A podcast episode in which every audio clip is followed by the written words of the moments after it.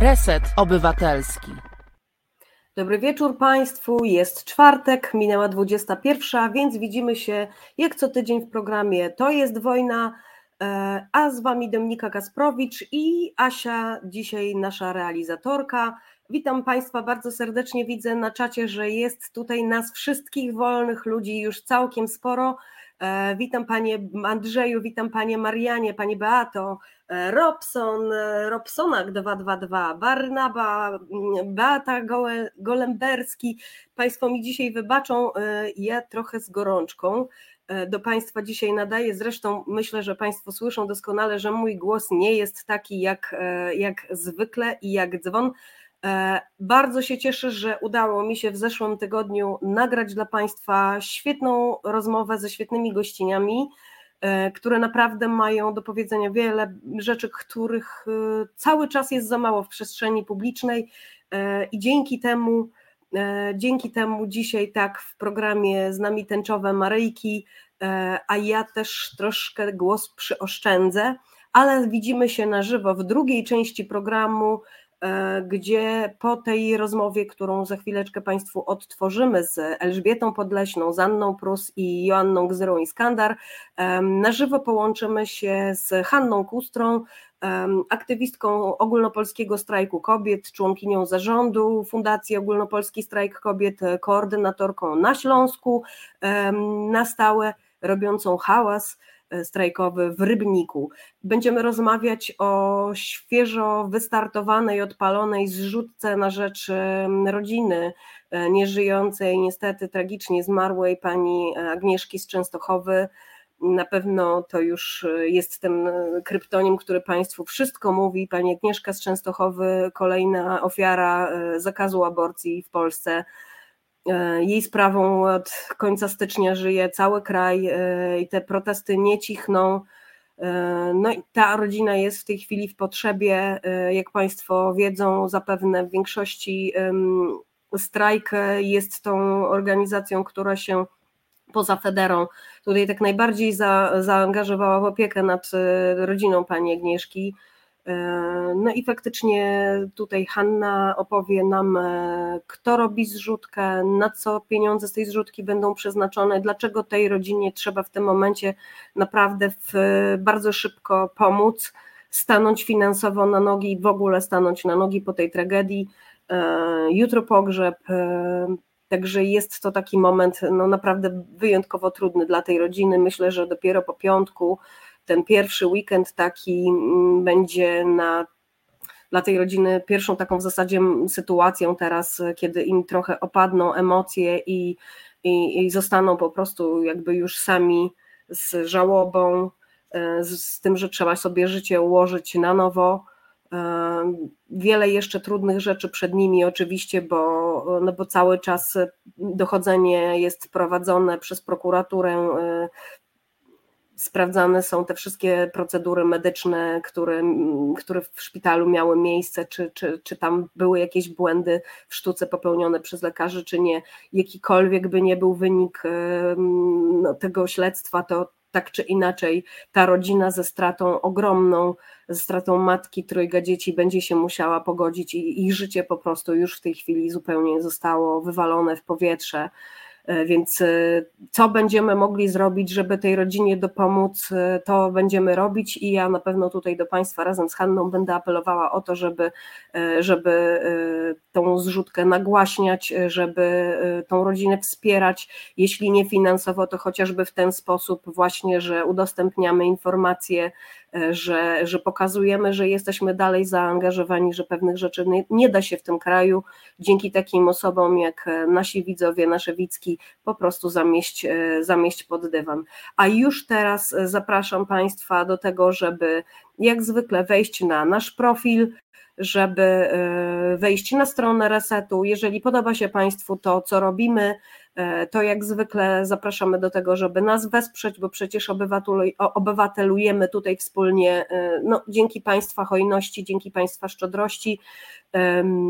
Jak zwykle zachęcam też do tego, żeby dawać łapki w górę, żeby puszczać linki w obieg, szerować, udostępniać e, nasze transmisje E, ale także, żeby wchodzić na nasz profil na chociażby Spotify'u, gdzie można sobie zawsze w dowolnym momencie każdy program e, odsłuchać. Jesteśmy też na Patronajcie, tam też można nas wesprzeć, a producentką wykonawczą dzisiejszego programu, dzisiejszego odcinka to jest Wojna, jest pani Joanna z Brukseli i bardzo serdecznie pozdrawiam e, panią Joannę, mam nadzieję, że nas w tym momencie ogląda. E, I już w tej chwili e, zapraszam, e, zapraszam Państwa na rozmowę z naszymi najwspanialszymi polskimi tęczowymi Maryjkami, czyli z Elżbietą Podleśną, z Anną Prus i Joanną Gzerą Iskandar, aktywistkami, które chyba jeśli chodzi o tą naszą tutaj żeńską część sceny aktywistycznej, są najbardziej znane w całej Polsce. Ich, ich sprawa najbardziej nagłośniona w mediach też zagranicznych, e, aktywistki, które są e, pod opieką, e, jeśli mogę to tak powiedzieć, tak to nazwać, pod opieką Amnesty International i większości europejskich organizacji prawno-człowieczych, które pilnują tego, żeby tym naszym polskim aktywistkom krzywda się nie stała w naszym pięknym, wspaniałym kraju, w którym czasami po prostu i w sądach coś nie pyknie, i w wielu innych miejscach coś nie pyknie. Ja z dziewczynami rozmawiam e, tak, e, głównie o tym, co się wydarzyło w ich życiu w trakcie tej e, trwającej ponad dwa lata sprawy no, o znieważenie uczuć religijnych Polaków poprzez o, oplakatowanie Płocka i opatrzenie wlepkami słupów e, e, ogłoszeniowych e, z, no, z tęczową Maryją, z Maryją na obrazie, która ma aureolę tęczową, a nie taką jak oryginalnie. Ponoć urażało to czyjeś uczucia religijne, jeśli o takich uczuciach religijnych w ogóle możemy mówić. No, sprawa się toczyła. Dziewczyny dwa razy były uniewinnione, drugi raz 25 stycznia e, w sądzie drugiej instancji, w sądzie okręgowym w Płocku. Czekamy na to, czy będzie kasacja, a ja tutaj z dziewczynami przede wszystkim rozmawiałam o tym, jak wygląda ta ciemniejsza nieco strona aktywizmu, jakie one ponoszą koszty. Rozmawiałyśmy o wypaleniu, o tym, e, jak trudno bywa czasami i jak niewspierające bywa nasze polskie środowisko, jak wspierać aktywistów, jak wspierać aktywistki, bo te panie już doświadczyły tylu różnych represji, że wiedzą doskonale, e, co jest potrzebne, a co nie jest wspierające, co jest takim kopaniem leżącego i co niestety też często się e, zdarza, za często się zdarza w naszym aktywistycznym e, czy ogólnie bym to powiedziała, lewackim środowisku. Zapraszam Państwa serdecznie na tą rozmowę na początek, a w drugiej części programu widzimy się na żywo i porozmawiamy sobie też o tym, co w Polsce się dzieje, na pewno o Lex Czarnek, ale także o sukcesie zrzutki, o tym się nie mówi. Wrócimy tutaj do pierwszego programu ze stycznia i powiem Państwu, na czym tutaj ta sprawa z o tym się nie mówi stanęła. Zapraszam.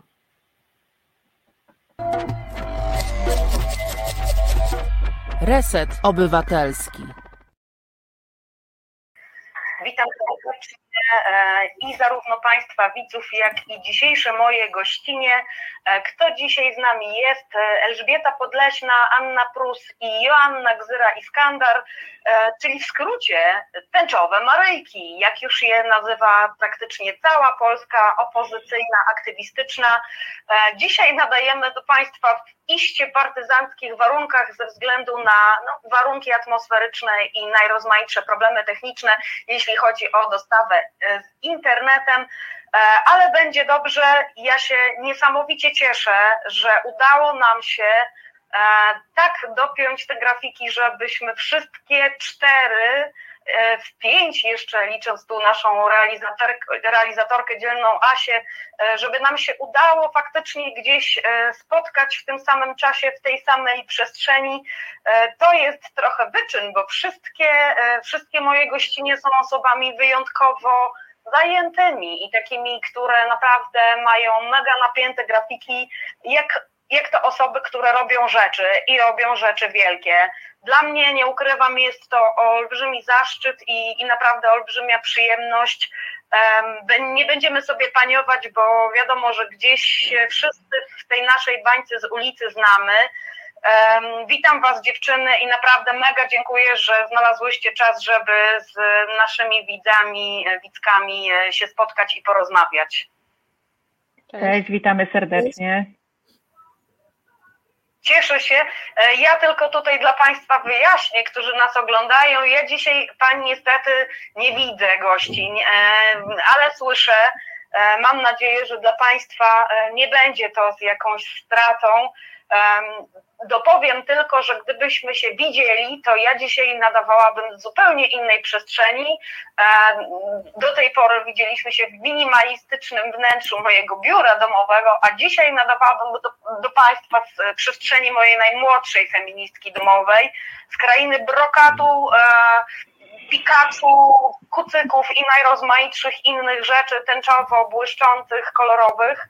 Uznałam, że to jest najlepsza sceneria i taka jednocześnie, e, która no, zapewni nam komfort bycia blisko routera, jak się okazało, na pogodę nie ma mocnych. E, no ale już korzystając z tego, że są nasze gościnie zacne na, na linii, e, ja się tak trochę zastanawiałam, powiem wam szczerze, dziewczyny, jak ja mam wasze życia, jak ja mam wasze całe te przebogate historie upchnąć w jakieś jedno zdanie zapowiadające, kto to dzisiaj tutaj w tym resecie będzie. I powiem szczerze, że stwierdziłam, że to jest niewykonalne i zafrapowało mnie to, jak wy się przedstawiacie e, jako aktywistki, jeżeli gdzieś jesteście w takiej sytuacji, że naprawdę musicie całe swoje życie zmieścić w kilku dosłownie słowach takiej zapowiedzi. Elu, do ciebie y, to pytanie na początek kieruję. Jak, jak ty się przedstawiasz, jak ty się sama określasz w tym momencie, na tym etapie życia, w którym jesteś? Mhm, no ja, jeśli y, wziąć pod uwagę moją działalność y, aktywistyczną, to myślę, że feministka, antyfaszystka wystarczy. Ania, Ania, Asia, jak wy się przedstawiacie? E, ja zaczynam od dobrej wróżki aborcyjnej albo przyjaciółki aborcyjnej, zależy jak kto woli, ponieważ to jest istotna część mojego życia i e, bardzo dużo czasu poświęcam właśnie na pomaganie w aborcjach. A żeby doprecyzować, to dodaję, co w sumie samo z siebie trochę wynika, że jestem antyfaszystką i sojuszniczką osób LGBTQ. Ja myślę, że całkiem podobnie właśnie też jak dziewczyny. Zresztą no, to nie jest przypadek, że e, w tej sprawie Maryjkowej, ale nie tylko, oczywiście też wielu innych działałyśmy razem. Też ja bym powiedziała sobie, że jestem feministką, której bliski jest e, taki feminizm e, intersekcjonalny, inkluzywny, też myślę, że to ze względu na moją pracę zawodową, a pracuję teraz w e, Centrum Praw Kobiet, czyli w organizacji, e, która przeciwdziała przemocy i dyskryminacji wobec kobiet i działa na rzecz równości płci. No i tak, sojuszniczka osób LGBT, antyfaszystka, jak najbardziej. Czyli da się pod jakimiś tam hasłami faktycznie gdzieś tą całą waszą działalność E, ukryć, e, schować, wcisnąć w te ramy. Mm, powiem szczerze, że ja też się zastanawiałam właśnie, co wy, co, co wy powiecie, co jakby wybije się na ten pierwszy plan. E, no tutaj ta wróżka mnie totalnie rozwaliła, nie spodziewałam się zupełnie.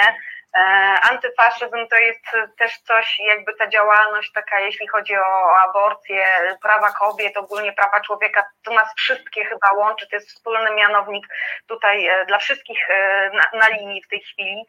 No i powiem tak, no, wiadomo, że myśmy się tutaj głównie spotkały po to, żeby porozmawiać o tej najgłośniejszej sprawie, która 12 stycznia, no, miejmy nadzieję, że już e, faktycznie się zakończyła dla Was e, i to już ostatni, naprawdę ostatni rozdział tej historii, że nic się już tutaj dalej więcej nie wydarzy. Oczywiście no, to jest ten moment, kiedy chciałam pokazać ten obrazek cudnie wydrukowany, czyli tą, e, tą Maryjkę z tęczową aureolą, z Jezuskiem. No, nie mogę ze względów oczywistych w tym momencie tego pokazać. No, e, myśmy się widziały z Asią e, krótko, dzień czy dwa tutaj w resecie też właśnie potem, jak Sąd Okręgowy w Płocku podtrzymał wyrok uniewinniający Was właśnie w tej sprawie skrótowo ją nazywajmy tęczowej Maryjki.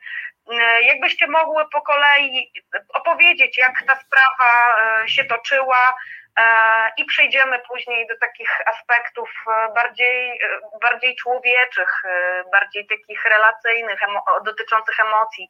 No, ale myślę, że tutaj, mimo że o tym temacie już gdzieś tam skrótowo żeśmy na gorąco mówiły, to jest to tak, tak ważna sprawa, jakby w ogóle w historii polskiego aktywizmu, no, że fajnie by było jakby ci słuchacze i ci widzowie, którzy, którzy wcześniej faktycznie w programie Asi nie widzieli, mieli szansę usłyszeć od Was, jak Wy tą sprawę widzicie, co ona jakby zmieniła w Waszym życiu um, i, i jak to się po prostu w Wasze życie prywatne też i zawodowe wpasowało, bo przecież to jest kawał czasu. Od 2019 ta sprawa do 12 stycznia 2022 się ciągnęła. E, Aniu, co ta sprawa jakby w Twoim życiu wywołała i jak ona Twoje życie zmieniła? E, chyba najbardziej to, że zrobiłam się dużo bardziej bezkompromisowa. E, korzystam z tego słowa, bo właśnie e, dzisiaj e, zostało wobec mnie użyte w formie komplementu. Mm, na pewno dużo stresu, ale też e, przyniosło mi to bardzo wiele bezcennych relacji. Mm, poznałam przy tej okazji albo zbliżyłam się z ludźmi, których już wcześniej znałam. E, na takim poziomie, na jaki prawdopodobnie nie pozwoliłyby mi żadne inne okoliczności. E, ja jestem w ogóle e, wśród wszystkich swoich znajomych e, heteroseksualną mniejszością, więc jakby to jest moje, moje środowisko queerowe jest moim środowiskiem naturalnym, więc te więzi tutaj w jego ramach po prostu jeszcze bardziej się, się zacieśniły. Nauczyło mnie to sporo o sojusznictwie, o, mam nadzieję dobrym sojusznictwie, o tym jak zabierać głos, aby go nie zabierać innym ale też przyniosło mi to dużo stresu, niewątpliwie. No, nie jest tak, że, że, że jesteśmy w ten stres impregnowany, tak? Szczególnie e, te dni przed samymi rozprawami bardzo odbijały się na ciele po prostu, na, na organizmie.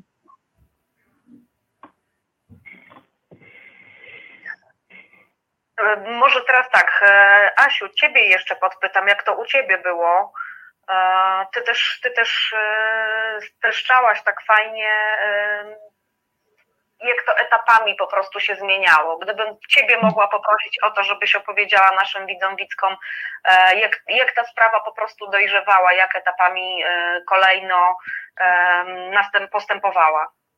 Mhm, jasne. Znaczy rzeczywiście tak jak ty to zarysowałaś na osi czasu, że y, od 2019 roku na razie tym takim ostatnim y, punktem to był 12 stycznia 2022, czyli prawie 3 lata, bo nasza akcja miała miejsce w, pod koniec kwietnia 2019 roku. Wtedy pojechałyśmy do Płocka z, z naklejkami uzbrojone, naklejki w plakaty z tęczową Maryją oraz z listą biskupów, którzy e, chronią i chronili e, przestępców dokonujących czynów pedofilnych, e, chroniąc ich w strukturach Kościoła katolickiego w Polsce.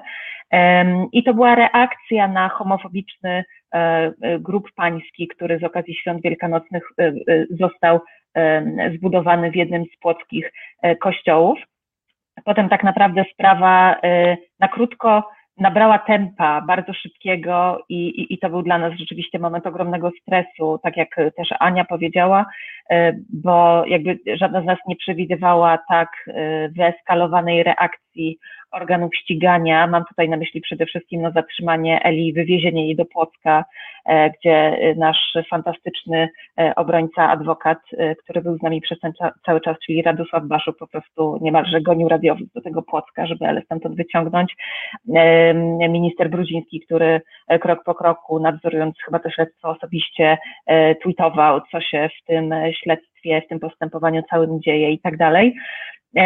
Potem ta sprawa mocno zwolniła, bo rzeczywiście po tym, jak, jak została zatrzymana Ela, my z Anią i z naszym, z naszym adwokatem pojechałyśmy same na komendę powiedzieć, że to my byłyśmy tymi pozostałymi dwiema osobami, które brały udział w tej akcji.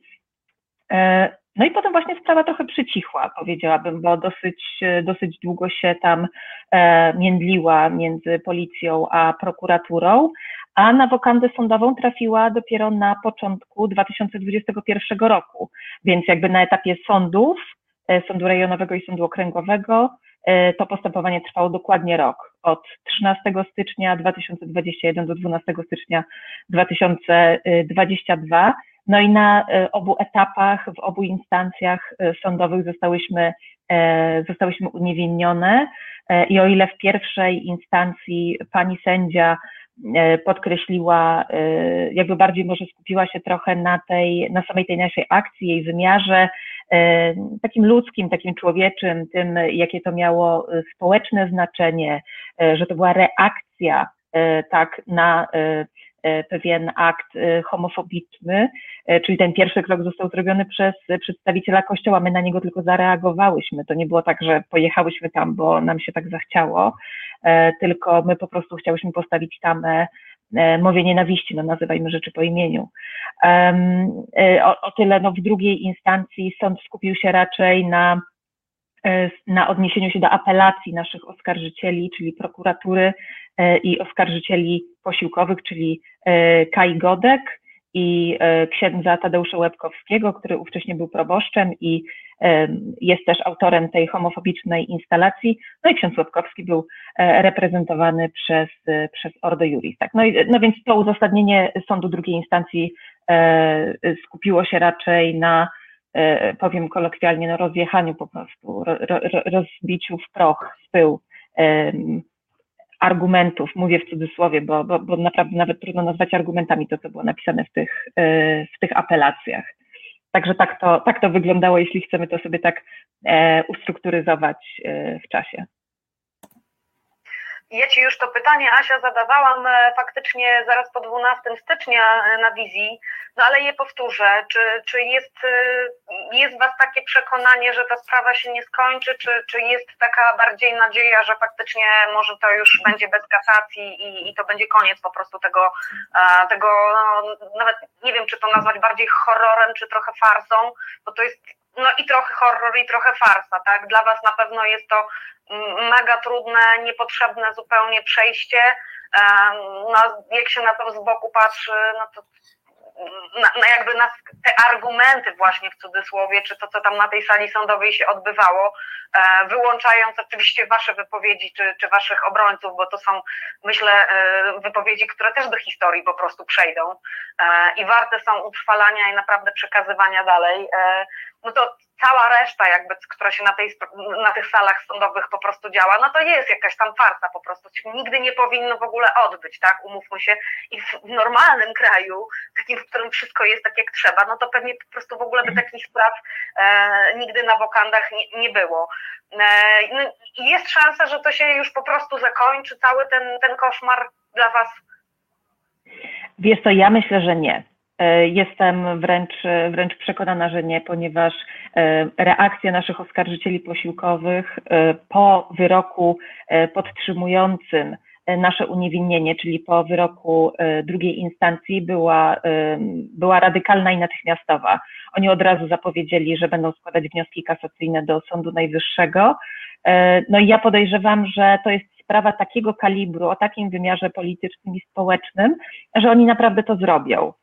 E, no ale e, to znaczy, ja przynajmniej mam takie podejście, ale myślę, że dziewczyny w jakimś tam przynajmniej e, stopniu to podejście podzielają, że no okej, okay, no chcecie nam znowu dać tę platformę, żebyśmy znowu powiedziały o tym, o tym wszystkim złym, co robicie dla osób LGBT w Polsce, o ukrywaniu pedofilii w polskim kościele, no to proszę bardzo, no to my to po prostu zrobimy, tak? Też tym bardziej, że e, jakby nasza pozycja jako osób sojuszniczych e, jest zdecydowanie bardziej komfortowa i uprzywilejowana. My korzystamy po prostu z naszego przywileju, e, występując w tej sprawie. Jeżeli możemy wziąć na siebie chociaż odrobinę tego hejtu, tego całego, tych wszystkich pomyj, które się wylewają na co dzień na osoby LGBT, to uważam, że jeżeli jesteśmy sobie w stanie na to pozwolić, to po prostu powinnyśmy to zrobić. No jeżeli sprawa trafi do Sądu Najwyższego, to, to, to po prostu będziemy się tam bronić i tyle. No tak, e, no w zasadzie tutaj nie ma innej opcji, jeżeli takie faktycznie działania dalej, e, dalej e, będą podejmowane przez oskarżycieli, no to w zasadzie zostaje wykorzystać tą platformę. No i tutaj ja chciałabym Elę zapytać, bo dla Eli to jest też jedna z, jedna z wielu i kolejna po prostu trudna, ciągnie, ciągnąca się latami sprawa. No, wiadomo po prostu z tych przekazów, które, które Ela, ty, ty dajesz na temat jakby swojej takiej drogi aktywistycznej e, w swoich mediach społecznościowych, że no jest już ciężko po prostu na tym etapie e, i fizycznie, i psychicznie. E, z drugiej strony, no faktycznie jest ta platforma i, i wiem, że wszystkie robicie wszystko, żeby tą platformę wykorzystać po prostu, żeby pomóc właśnie, żeby, żeby pokazać, jak to sojusznictwo modelowo powinno wyglądać i może wyglądać, jak po prostu jest ta wola i jest, i jest serce po prostu. Um, czy powiedz mi, Ela, taką sprawę, czy, e, czy jakby dla ciebie ten bilans dalej jest taki na plus, że cokolwiek by się nie wydarzyło, to, to widzisz tą szklankę dalej do połowy pełną i, um, no i po prostu widzisz tą platformę. Wiem, że ty udzielasz też po prostu dziesiątek wywiadów e, za granicę i tu w Polsce, żeby to wszystko nagłaśniać. To jest ogromnym po prostu kosztem e, swojego czasu, swojego zdrowia, wysiłku mm, powiem szczerze, że ja za każdym razem, jak, jak myślę e, o tobie, no to, to się zastanawiam, czy to już jest ten moment, gdzie, gdzie ci się gdzieś miarka mm, przebierze, gdzieś się po prostu ta kropla, e, kropla goryczy może przeleje, czy to, czy to jest jeszcze cały czas na plus dla ciebie? Mm, wiesz, e, dzięki w ogóle za te słowa wszystkie takie, że aż trochę zawstydzenie mnie bierze. Ja e, chyba nie dokonuję takiego bilansu, wiesz, e, czy to jest dalej na plus, czy na minus. E, po prostu, w, jak się powiedziało A, no to trzeba ciągnąć ten alfabet do końca. Nie? W, to nie ma tak, że się w tej chwili, wiesz, to jest zaskakujące, nie? bo tak jak niejednokrotnie powtarzałyśmy, nie spodziewałyśmy się takiego y, y, oddźwięku tej sprawy, y, takiego aktu oskarżenia i że to będzie trwało x lat. Nie? Podobnie jak nie wiem, na przykład moja sprawa z telewizją publiczną, która też wylądowała w kasacji, więc przed Sądem Najwyższym, znaczy też, no, tak, no sądzę, że pójdzie kasacja, to co Asia mówiła absolutnie uważam, że to nie, nie jest koniec naszych przebojów. E, więc no, to jest kwestia jakiejś konsekwencji i y, w pojmowaniu sojusznictwa myślę, że nie ma też czegoś takiego jak dokonywanie tego arytmetycznego rozrachunku, czy to się opłaca, y, czy to się nie opłaca, tak? czy to jest na plusie, czy to jest na minusie. Są chwile, kiedy jest zdecydowanie na minusie, ale E, no jakoś e, uczę się e, ten minus tak odwracać, żeby się zrobiła z niego jakaś kreska oddzielająca różne przykre wydarzenia i żeby się też zaczynało coś nowego, dobrego. No można też powiedzieć, że gdyby nie przymus, taki nacisk, który był na mnie wywierany, żebym odeszła z pracy, no to nie założyłabym własnego gabinetu, a Uważam, że to była jedna z najmądrzejszych i najlepszych decyzji w moim życiu, e, e, że wyrwałam się z e, zatrudnienia w polskiej służbie czy ochronie zdrowia, która niewiele już ma wspólnego z, z ochroną zdrowia, przynajmniej swoich pracowników. Gdyby nie rewizja, która no, pozbawiła mnie absolutnie poczucia bezpieczeństwa w moim własnym mieszkaniu, E, to nie zaczęłabym się przeprowadzać na wieś. E, nie miałabym psa, nie miałabym e, takich przyjaciół, jakich w tej chwili mam, więc trochę można powiedzieć, że po prostu sztuką jest przekuć te minusy w jakiś sposób na to, żeby może nie stały się plusami, ale żeby nie były takim udręczeniem, no bo Rzeczywiście trzy lata, no dla mnie ta sprawa się zaczęła o tej szóstej 15 czy 18 rano w pewien poniedziałek i ciągnie się dalej, jeszcze się trochę pociągnie, więc to jest rzeczywiście kawał życia. Ale też tak jak Anka powiedziała, nowe relacje, których by nie było, jakiś poziom zaufania wśród osób LGBTQIA, który jest dla mnie absolutnie bezcenny. Też przekłada się nawet na to, co robię w terapii, w tym sensie, że jestem bardziej wyczulona na różne aspekty związane na przykład z transfobią, więc też reaguję w przestrzeni mediów społecznościowych na więcej rzeczy niż reagowałabym przed tą sprawą. Mam jakby większą świadomość swoich przywilejów. To wszystko są rzeczy bardzo rozwojowe, aczkolwiek nie jest to rozwój z pieśnią na ustach. Oczywiście, że wolałabym inaczej się kształcić w, w tym zakresie na jakichś fajnych warsztatach, wiecie, no, a, a niekoniecznie wycierając jakiś komisariat czy, czy, czy, czy, czy, czy ławki sądowe. No, to tak. Więc nie powiem, czy to jest bilans podatni, czy ujemny. Myślę sobie, że ja też w wielu właśnie wypowiedziach innych osób aktywistycznych usłyszałam to o tym alfabecie, że to już jest Mhm. potem troszeczkę też i konsekwencja, że też takie poczucie, że jak się już zabrnie w tym aktywizmie do pewnego momentu, to już nie ma powrotu, bo tak trochę, e, tak trochę e, nawet jakby się chciało wycofać e, czasami, to już takiej opcji nie ma, bo te sprawy gdzieś tam się już ciągną i nawet jak nie ma tej nowej aktywności, e, człowiek się wyłączy zupełnie gdzieś tam na jakiś moment, wyjedzie, zaszyje się, nie wiem, zrobi sobie taki urlop właśnie aktywistyczny, w cudzysłowie dla poratowania zdrowia, to i tak się już od pewnych konsekwencji po prostu tych wcześniejszych działań nie ucieknie. I e, no, kiedyś mój tata mi powiedział, teraz to już uciekać możesz tylko do przodu i mam wrażenie, że to jest właśnie też jakby kwintesencja tego, co ty tutaj e, po- powiedziałaś. Cofnąć się już pewnych rzeczy nie da i też, też pewnie by się wcale nie chciało. Zostaje do przodu e, odważnie i konsekwentnie mówić te kolejne litery alfabetu i faktycznie no, coś z tego jeszcze brać dla siebie i próbować po prostu te, te wszystkie trudne, te tr- trudne wszystkie sytuacje, przejścia, doświadczenia jakoś tam faktycznie przekuwać na, na rozwój własny i na, na, na to, żeby się po prostu bogacić e, i, i zdobywać też jakieś nowe narzędzia do pomagania ludziom. Mm, Moje pytanie teraz takie, słuchajcie do Was wszystkich, e, może od Ani tym razem zaczynając.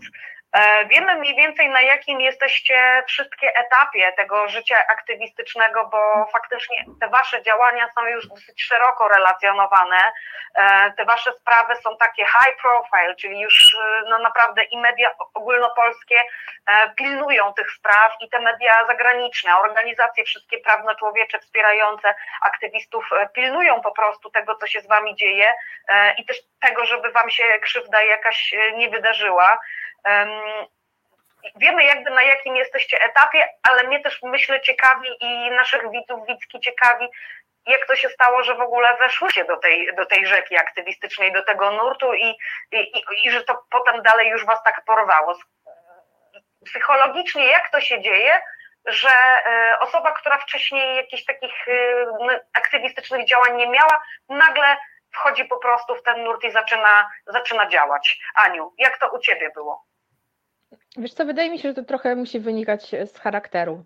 Mm, Na pewno też czynnik środowiskowy jest istotny, ale e, mnie jako małą dziewczynkę zawsze ciągnęło gdzieś tam, wiesz, do samorządów szkolnych, e, harcerstwa i tego typu rzeczy. Mm, W czasie e, wieku nastoletniego się jakoś z tego wyłączyłam. Natomiast pod koniec studiów, kiedy ruszył czarny protest, ja w ogóle pierwszy raz na jakikolwiek protest, na jakąkolwiek demonstrację poszłam dopiero w roku 2016. E, Zawsze żyłam gdzieś obok tego wszystkiego i w ogóle nie, nie ogarniałam za bardzo na bieżąco, co się dzieje w polityce. E, Jednak zawsze był we mnie mm, silny ten taki vibe proaborcyjny. E, Pamiętam, jak Katarzyna Bratkowska powiedziała Żelkowi, że w Wigilię przerwie ciążę i ja z jednej strony miałam takie rany, co ona zrobiła, takie o kurde, jak, jak, jak mocno drasnęła to tabu. E, ale jednocześnie bardzo mi, się, bardzo mi się to podobało, bo była we mnie taka myśl, właściwie dlaczego nie? Mm. No i tak od protestu do protestu. e, W pewnym momencie, kiedy e, zdecydowałam się pójść do Sejmu na posiedzenie komisji, ponieważ dziennikarka Anna Dryjańska e, rzuciła post na fejsie, że zbiera, zbiera listę chętnych i pomyślałam sobie, że właściwie skoro mnie to dotyczy, to mogę się też tam znaleźć. Nie muszę być wcale członkinią żadnej organizacji e, i dałam sobie to prawo po prostu. Wtedy nie wpuszczono nas do Sejmu. To była chyba pierwsza taka sprawa. E, No i w związku z tym, że podejmowałyśmy dalsze działania, to zawiązałam jakieś e, bliższe, dalsze znajomości, a także jedną bardzo ważną dla mnie przyjaźń.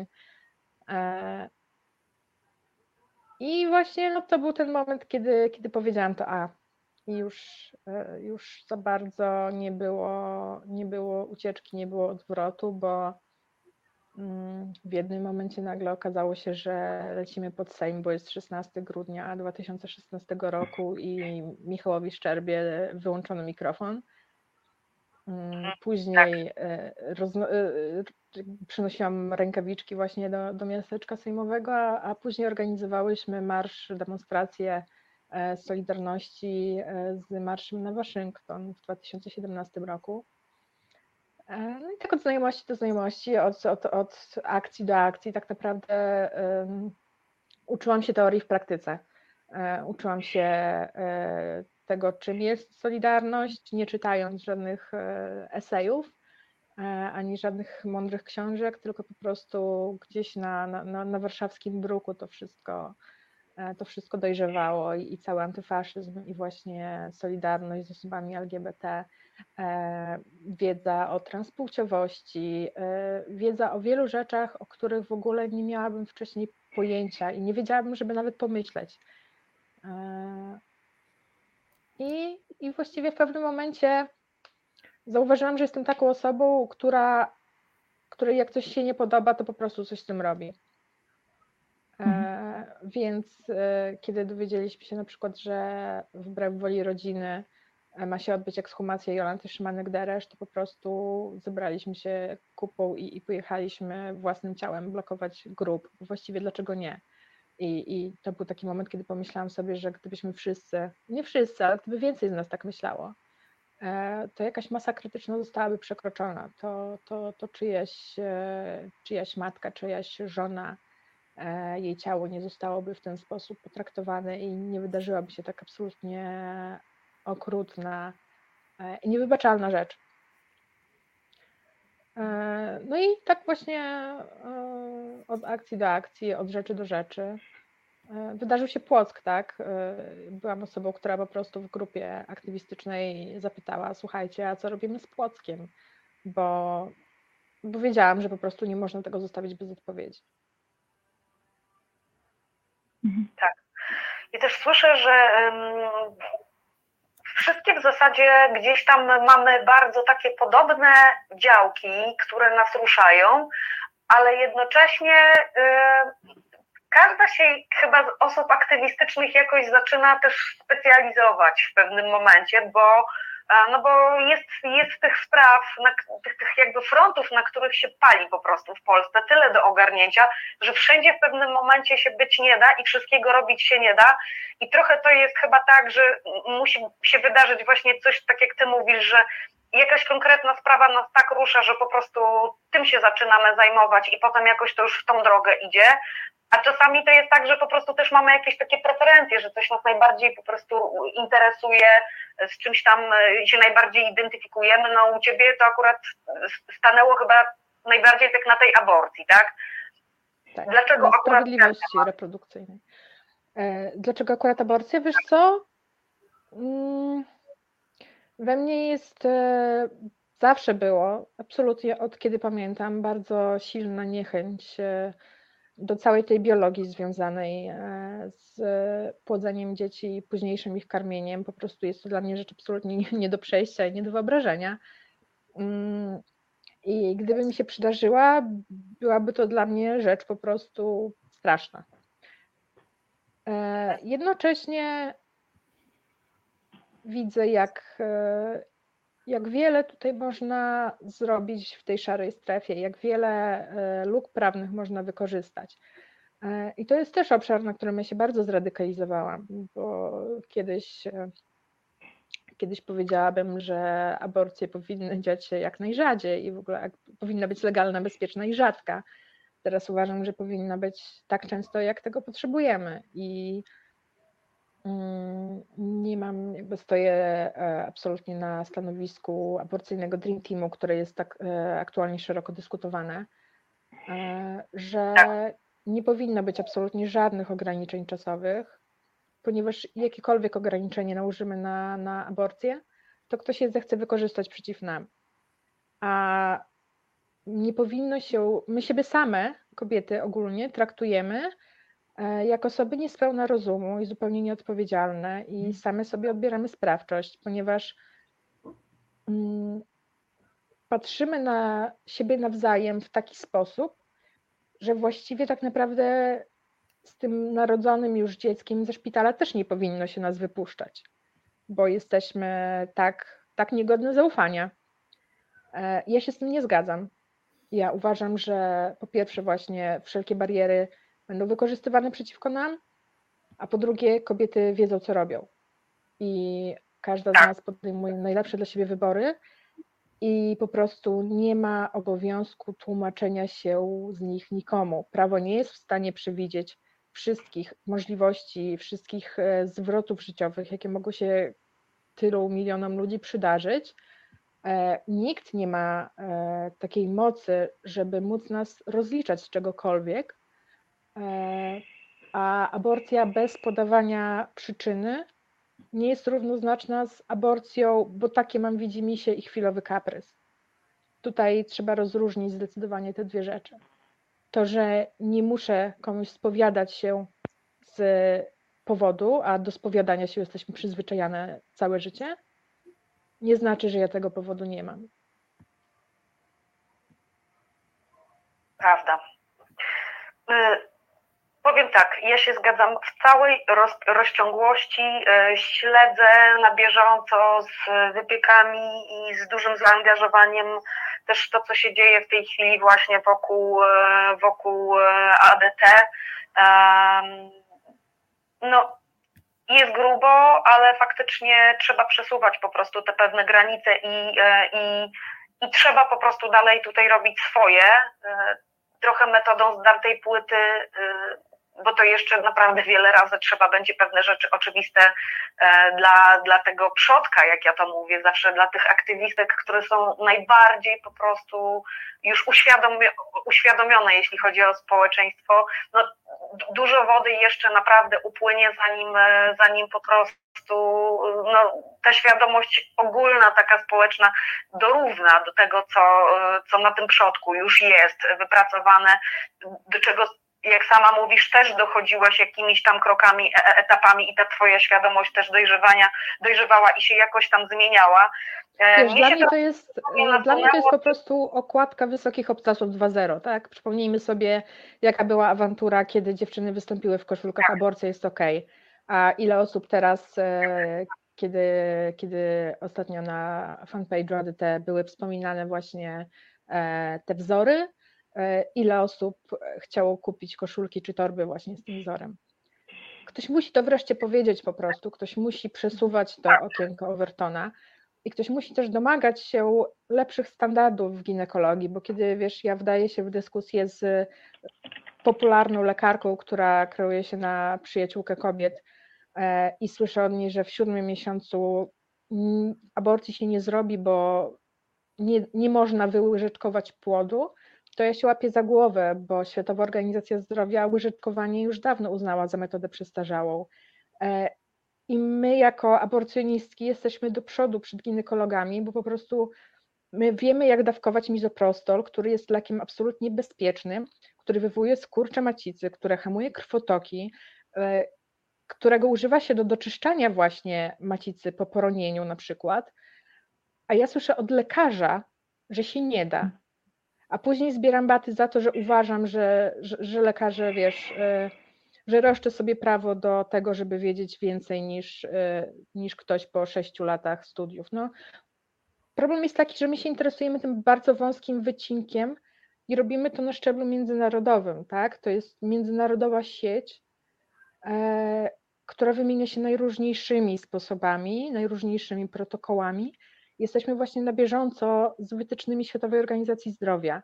I kiedy my podajemy zgodnie z ich wytycznymi 800 mg e, mizoprostolu jednorazowo do aborcji, później dowiadujemy się, że ktoś podaje, jakiś lekarz w szpitalu podaje 200 mg na dobę i jest zdziwiony, że, że jakieś poronienie nie idzie, tak? Że jest zatrzymane i okazuje się, że, że czyjeś e, wywołanie właśnie poronienia trwało dwa dni i pacjentka umiera. To co, to, co tutaj też powiedziałaś o tym właśnie przesuwaniu granic, no to pokazuje, że tej roboty jest dużo. Tutaj naprawdę, uwierzcie mi, uruchomił cały ciąg pytań do Was dalej e, w związku z tym, co, co, co już powiedziałyście, co, co przed chwilą usłyszałam. No i tutaj mm, takie pytanie, które mi się nasunęło w trakcie chyba najbardziej na ten moment e, jakby adekwatne. Nie, nie, chciałabym jakby porównywać tych różnych frontów walki, na których e, aktywiści po prostu mają te granice do przesuwania, ale sama mam takie wrażenie, że w małym mieście, w którym, w którym ja działam i mieszkam na co dzień, to jest Iława Warmińsko-Mazurskie, nieco ponad 30 tysięcy osób. E, ja myślałam, że jakby tutaj walka o właśnie e, bezpieczną, darmową aborcję, wtedy kiedy ona jest potrzebna, to będzie ten najtrudniejszy front jakby i tu będzie mi najciężej, jakby najtrudniej po, po kawałeczku, po, po, po, kroczku przesuwać jakąś tą granicę i, i, świadomość tej społeczności lokalnej tutaj zmieniać.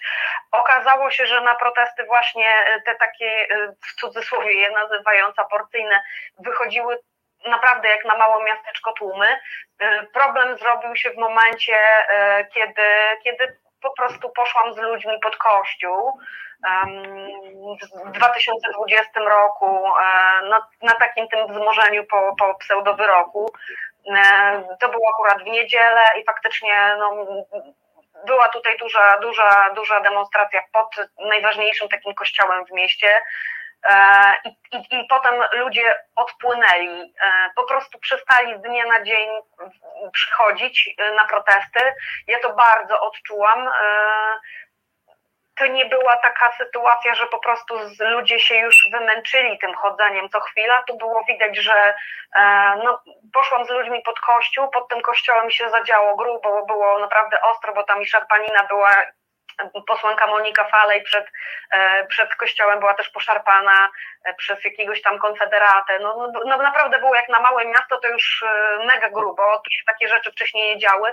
Ja wyraźnie poczułam, że jest ta granica, że jeszcze aborcja to już te młode osoby to niosą, radzą sobie z tym tematem i chcą już po prostu tutaj wychodzić i ta świadomość jest na tyle duża, że, że się nie boją, wychodzą i mówią na czym im zależy, co one by chciały uzyskać i co by chciały, żeby się w Polsce zmieniło, ale już jak w cudzysłowie cytując jakby lokalne media, zaatakowaliśmy Kościół, to widać było po prostu odpływ ludzi. Mm, widzę też, co się dzieje po prostu na forach i na, na profilach prowadzonych przez inne nasze osoby aktywistyczne też w Polsce. I do Was teraz takie pytanie, czy, czy to jest tak, że faktycznie na tym polu jakby mm, walki o świeckie państwo jest najtrudniej? Jak Wy to widzicie? No nie, żeby to wartościować jakoś, ale po prostu co dla co dla Was, e, gdzie, gdzie Wy widzicie po prostu tą największą trudność i tą największą taką, e, największy opór do, do przełamania, jeśli chodzi o nasze społeczeństwo polskie. Mm, Asiu, ty pracujesz jakby na co dzień, łącząc aktywizm z pomocą kobietom i, i, i tutaj ten temat przemocy wobec, wobec kobiet się przewija. Tutaj jest łatwiej, trudniej na tym polu w porównaniu, nie wiem, no na przykład do walki o, o, o prawa o, o społeczności LGBT, czy, czy na przykład o prawa reprodukcyjne dla kobiet? Mhm. Wiesz co, y, ja chyba bym się nie odważyła, y, nie, nie pokusiłabym się o jakieś takie porównywanie, gdzie jest łatwiej, gdzie jest trudniej.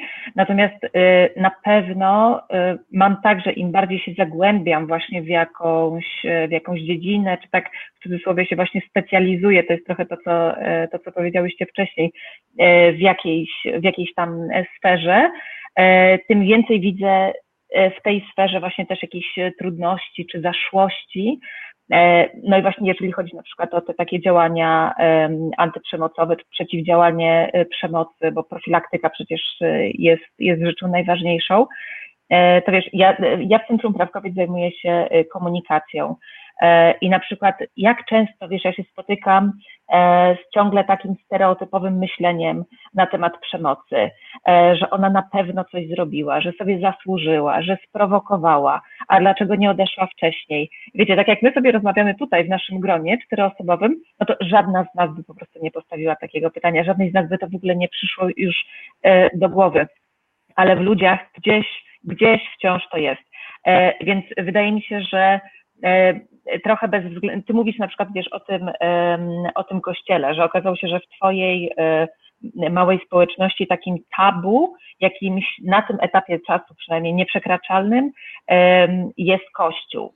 E, I, i rola Kościoła tak, jako takiego społecznego gracza czy aktora.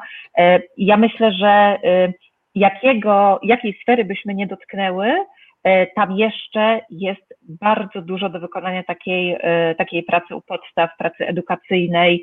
E, po prostu my się ciągle zmagamy z fundamentalnymi brakami wiedzy w edukacji, bo nie mamy systemowej edukacji równościowej, antydyskryminacyjnej, seksualnej, która też jest rodzajem przecież edukacji antyprzemocowej i tak dalej, i tak dalej. Myślę, że dopóki na przykład nie będzie czegoś takiego, E, no bo jakby, no wiadomo, że w tych realiach politycznych takie, takie rzeczy się nie zadzieją, e, to niesienie tego, e, zaraz musiałam się przez chwilę zastanowić, ale kaganka oświaty, to, to jednak spoczywa na barkach no, osób aktywistycznych, organizacji społecznych, grup pomocowych i tak dalej, i tak dalej. I tak prawdopodobnie jeszcze E, jeszcze przez długi czas będzie. I tak jak mówię, bez względu na to, o jakiej e, sferze takiej dotyczącej praw człowieka jednak mówimy, czy mówimy o świetności państwa, czy mówimy o prawach kobiet, czy mówimy o przemocy, czy o dostępie do aborcji, o sprawiedliwości reprodukcyjnej, e, o prawach mniejszości LGBT+, czy mniejszości etnicznych i tak dalej, i tak dalej, i tak dalej. To, to, to myślę, że to jest po prostu jeszcze w każdej z tych sfer strasznie, strasznie dużo do zrobienia.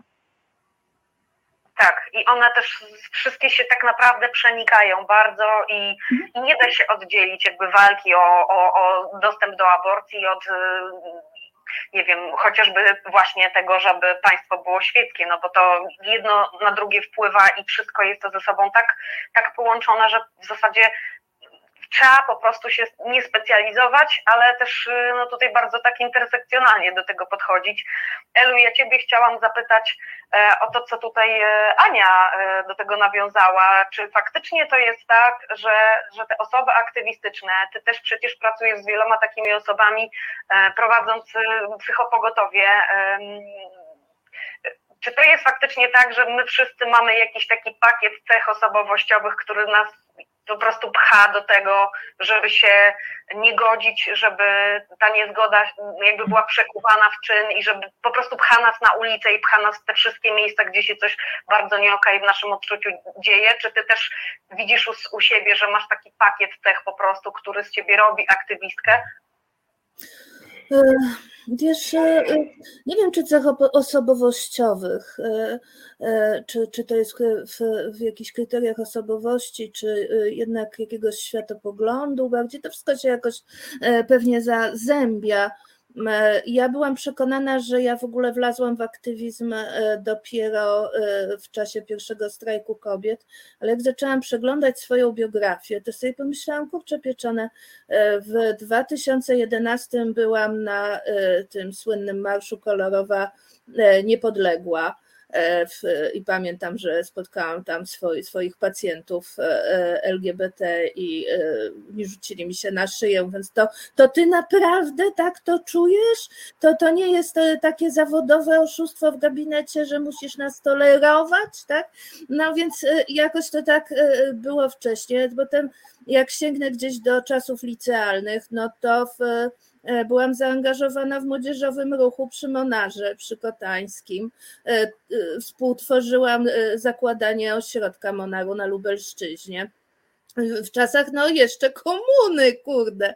To nie o to chodzi, że mówiła o jakimś kombatanstwie, ale że rzeczywiście ja w, myślę, że to jest kwestia takiego wyczulenia na krzywdę. I myślę, że jak nawet na siebie popatrzymy, to my mamy różne osobowości, my trzy. Nie? Ale gdzieś być może to są jakieś doświadczenia rodzinne, czy kwestia wychowania, czy kwestia E, e, poczucie jakiejś, e, nie wiem, solidarności. Złączyło nas to w tym, że traktujemy to jako jakąś osobistą odpowiedzialność. Ja czasem jestem w sytuacjach, gdzie się oglądam i się okazuje, że nie ma nikogo za mną. Nie? Ja bym strasznie chciała, żeby ktoś mnie wyręczył. Nie? Żeby ktoś się czymś kurde zajął, żebym to nie musiała być ja. Nie? E, I okazuje się, że nie bardzo jest, nie bardzo jest wybór. Nie?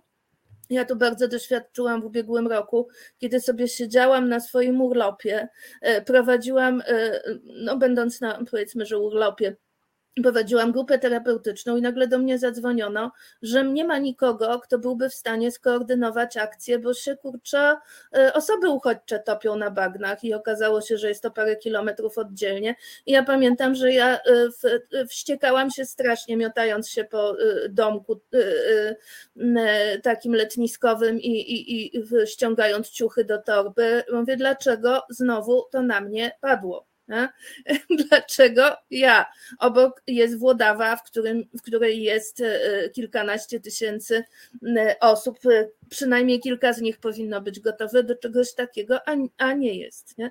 To akurat był e, no, trochę jakby początek, chociaż już było po usnażu, było wiadomo, że, że, że, że to wszystko idzie właśnie w takim kierunku że trzeba będzie ludziom pomagać w lesie.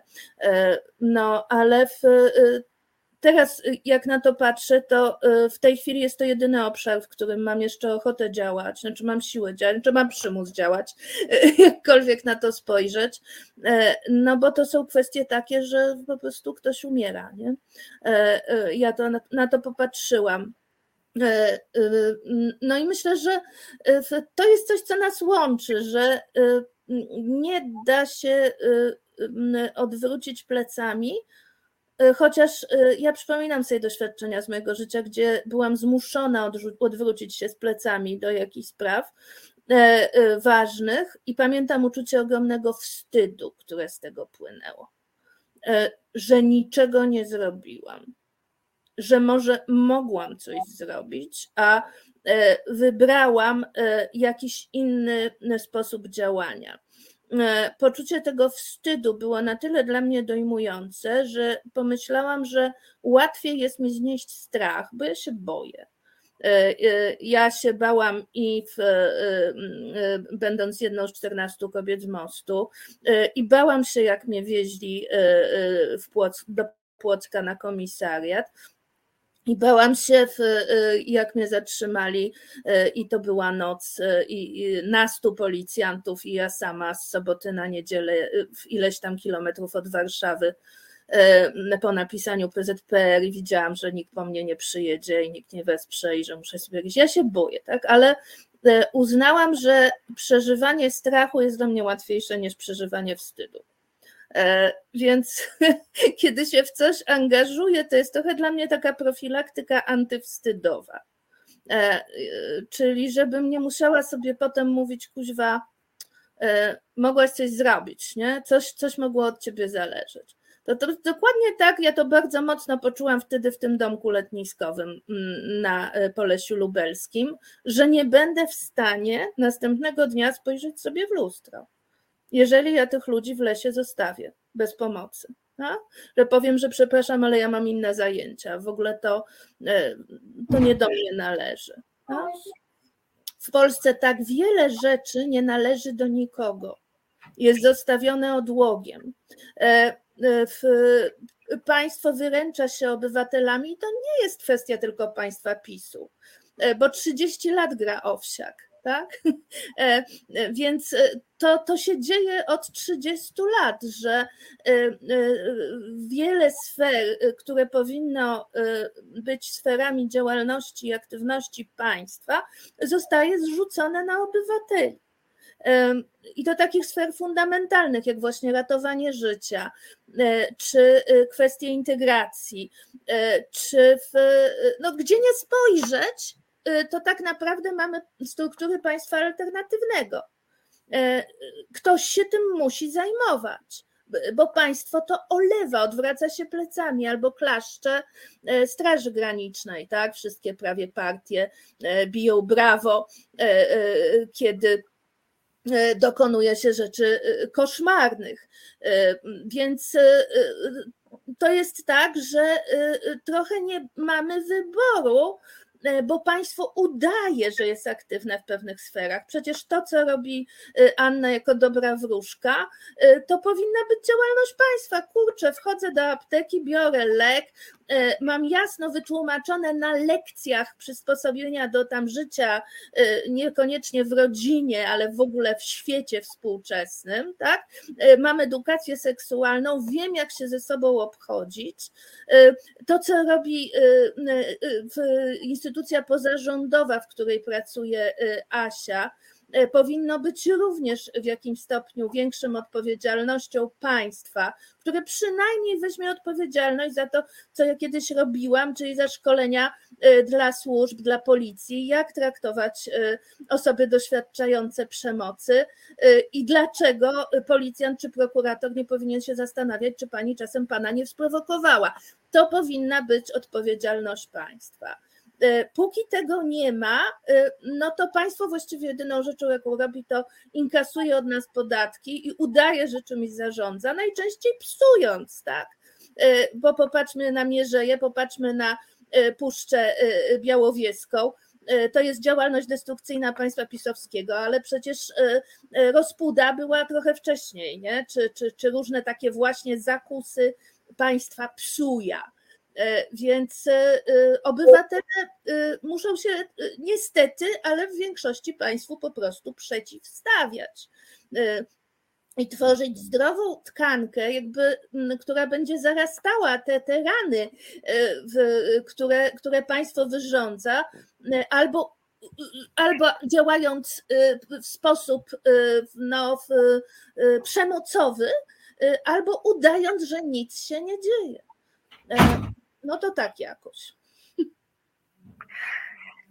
Słyszę w Twojej wypowiedzi też taką, e, taką jakby podbrzmiewa taka moja osobista teoria, że, że osoby w aktywizmie to są tacy trochę naprawiacze państwa, ale i w ogóle naprawiacze świata.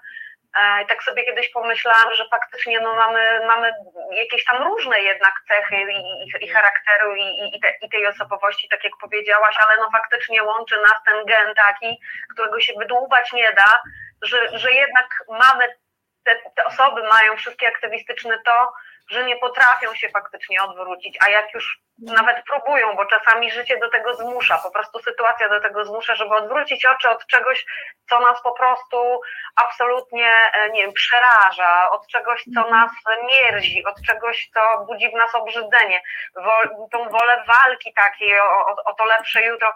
Próbujemy się czasami odwrócić, no to się pojawia ten wstyd i to jest chyba ta rzecz, której której część osób po prostu nie ma albo jakoś sobie z tym sprawniej radzi. Ty powiedziałaś o tym, że wolisz, wolisz, e, wolisz czuć strach niż czuć ten wstyd i to jest rzecz, którą ja mm, gdzieś tam też słyszałam już naprawdę kilka razy z ust e, osób aktywistycznych zajmujących się najrozmaitszymi rzeczami w Polsce i z mniejszych miejscowości, z dużych miejscowości.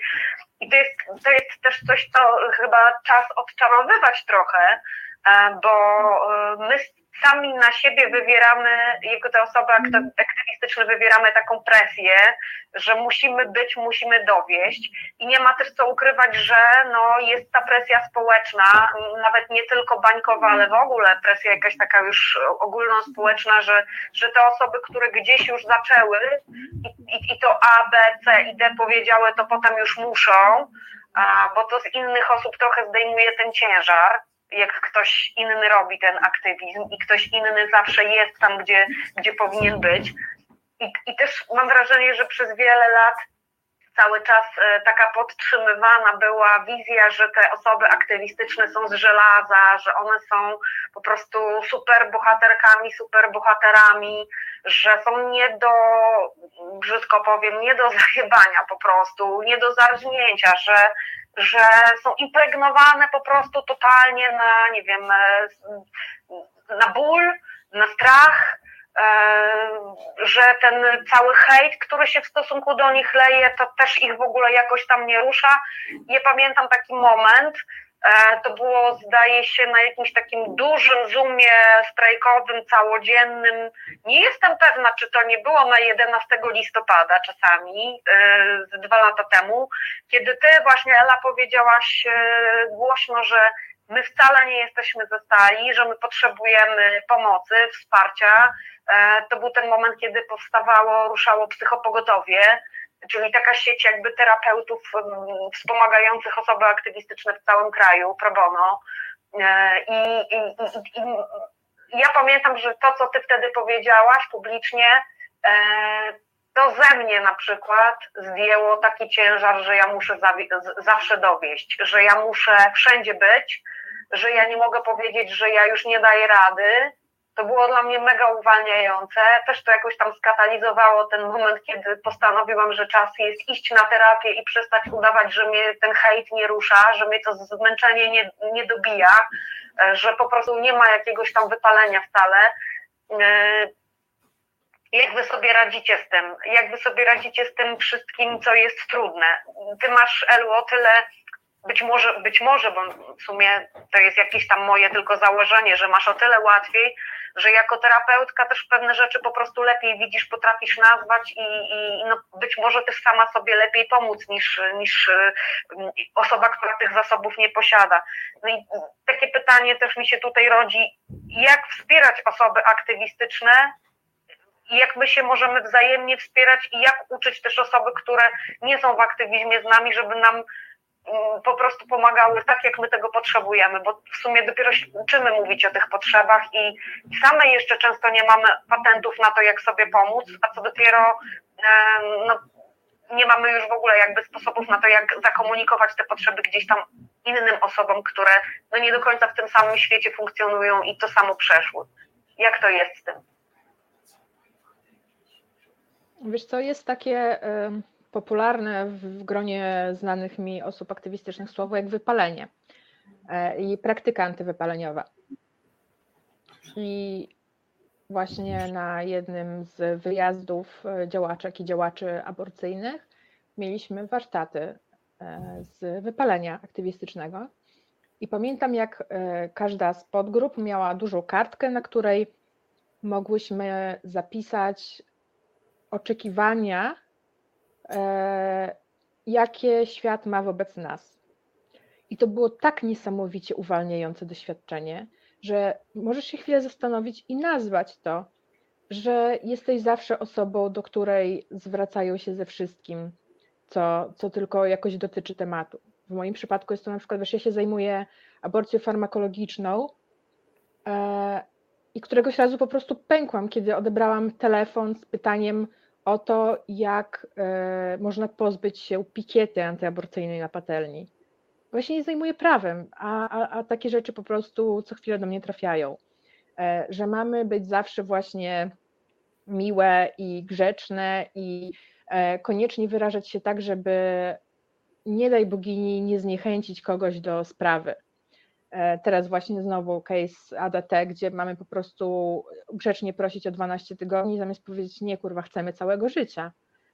E, I wypowiedzenie tych wszystkich rzeczy, nazwanie tego, to już, to już był pierwszy krok.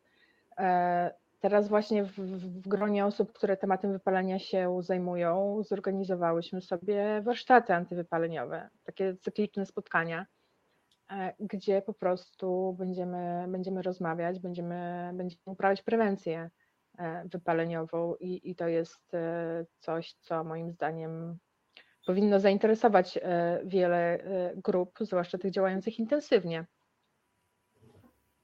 Co jeszcze? No na pewno nie wymagać, że będziemy na każdej demonstracji, że będziemy zawsze wiedzieć, co się dzieje na świecie. Ja na przykład zupełnie odpuściłam sobie y, śledzenie tematu y, na przykład edukacji. I nie dlatego, że mnie to nie interesuje, ale daję sobie po prostu ten komfort, że zamiast czytania o czarnku, poczytam sobie dobrą książkę bo i tak nie zajmę się tym, nie jestem w stanie, nie mam mocy przerobowych i daję sobie po prostu taką dyspensę. Ok, po prostu robisz dobrą robotę na innym polu, więc po prostu sobie odpuść. Już nie łapię 15 strok za ogon, jak e, próbowałam to robić 3 czy 4 lata temu na początku mojego aktywizmu. I zapomniałam o jeszcze jednej ważnej rzeczy, którą chciałam w tym temacie powiedzieć.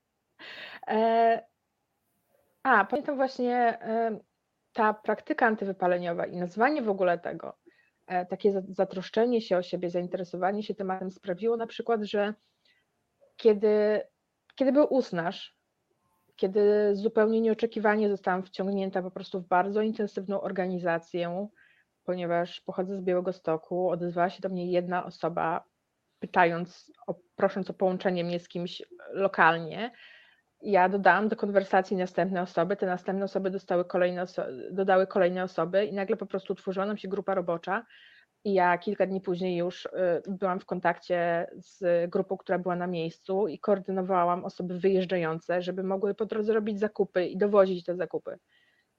I dla mnie taki bardzo wyzwalający moment był wtedy, kiedy ja się po prostu położyłam na podłodze, widziałam, że dzwoni do mnie osoba z usnarza, wiedziałam w jakiej sprawie dzwoni i pomyślałam sobie, nie, po prostu nie dam rady, trudno, będą jeden dzień dłużej bez drewnianej podłogi, ale beze mnie nie będzie mojego działania, więc dostarczę je po prostu dzień później, ale zadbam w tym momencie o siebie. Więc też taka wyrozumiałość moim zdaniem e, wobec siebie nawzajem, tak? Ponieważ kiedy trafia się w grono osób, e, ja mam tę, tę przyjemność i to szczęście niesamowite działać w gronie osób, które bardzo dobrze te wszystkie mechanizmy rozumieją i są. Słowo kluczowe dla mnie to jest czułość i troska. Radykalna troska i radykalna czułość, i, i właśnie tego doświadczam w swoim aktywizmie na co dzień. E, więc nauczyłam się też stosować to wobec samej siebie. I naprawdę bardzo odmieniło to mój sposób działania. No i poszłam na terapię. Tak, ja też poszłam na terapię, a do tego Ania, co ty mówisz, e, e, ja bym jeszcze dodała coś takiego, że no właśnie pamiętajmy o tym, że e, dobry aktywista, dobra aktywistka to jest osoba żywa. Martwy ratownik, martwa ratowniczka nikomu nie pomoże, a już na pewno nie sobie. Więc myślę, że to jest też trochę taka kwestia, to jest, to jest szalenie trudne i ja na przykład też się jakby tego uczę ciągle i jakiegoś takiego ustawiania priorytetów czyli po prostu pytanie, tak? Czy ja naprawdę, czy jestem jedyną i tą właśnie osobą, która w tym momencie musi się tym zająć, czy może jednak mogę postawić na chwilę chociaż siebie na pierwszym miejscu i zrobić coś dla siebie i cię od czegoś odciąć, nie wiem. Mi na przykład świetnie robi e, chodzenie na siłownię. Uwielbiam chodzić na siłownię, po prostu jak się zmęczę, spocę, zziajam, e, to świetnie mi to robi na głowę. E, I ja mam na siebie na przykład e, taki sposób i mam po prostu określone godziny w tygodniu, kiedy idę na siłownię i nikt mi tego po prostu nie zabierze. Koniec, trudno, nie ma mnie po prostu wtedy. Ale to są cztery godziny w tygodniu. Hmm. Elu, Elu, nie słyszycie, ale chyba Elu, jeszcze jesteś z nami. Już Jak mówię. radzisz? Poza tym, że uciekłaś na wieś i masz przecudną Suri, która jest chyba najlepszą terapeutką świata po prostu, wsią. E, wiesz, tak, e, e, to co powiedziałaś na początku, że ja pewnie sobie jakoś radzę lepiej z racji praktyki zawodowej, otóż powiem, że mam przerąbane z racji tej praktyki, bo wszyscy, znaczy większość osób uważa, że z racji tej praktyki, no to właśnie powinna mieć szczególne takie, wiesz, umiejętności, czyli na przykład właśnie każdego wysłuchać, e, wiesz, zareagować empatycznie. Broń, Panie Boże, się nie wkurwić. Nie?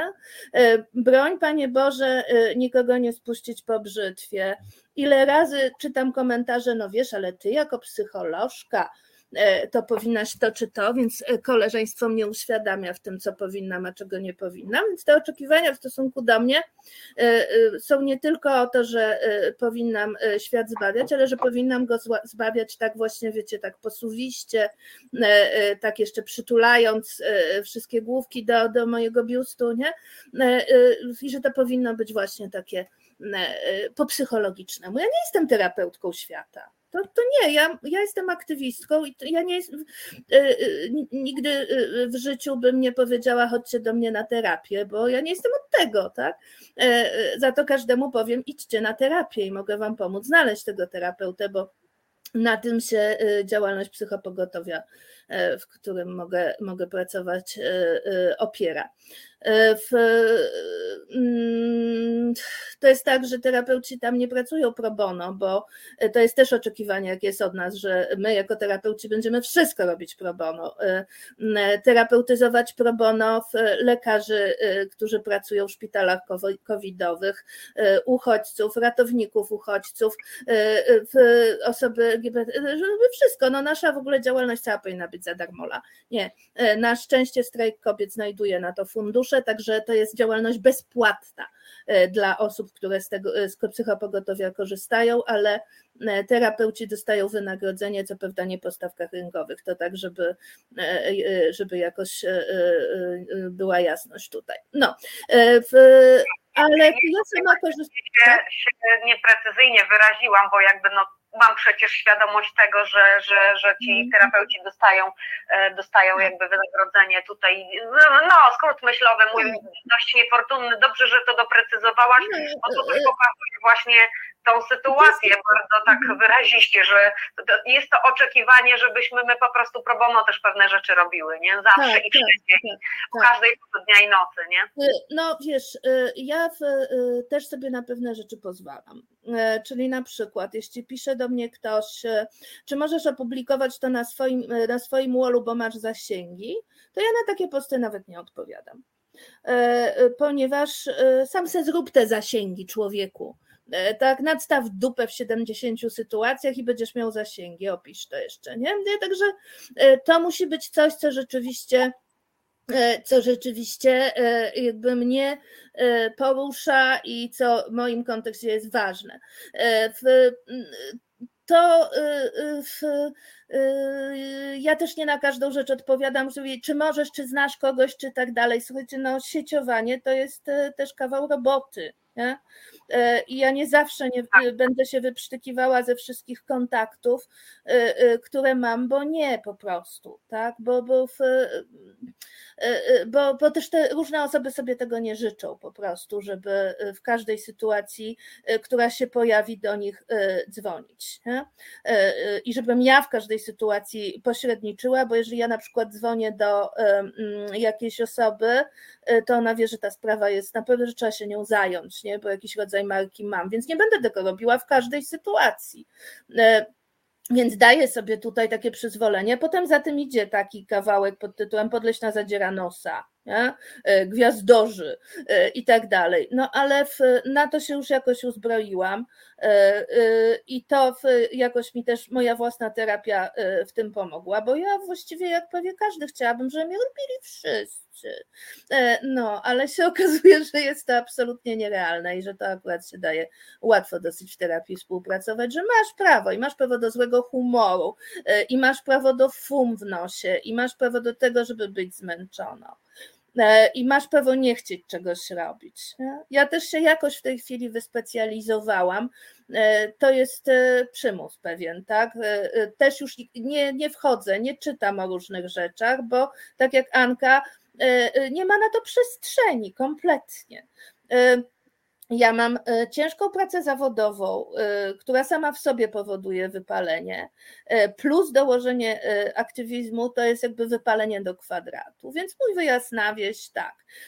Przyjaciele, przyjaciele, którzy nie są związani z aktywizmem, to jest cholernie ważne, którzy będą ci studzić głowę, którzy będą mówić, słuchaj, nie, tutaj już po prostu przeginasz, nie?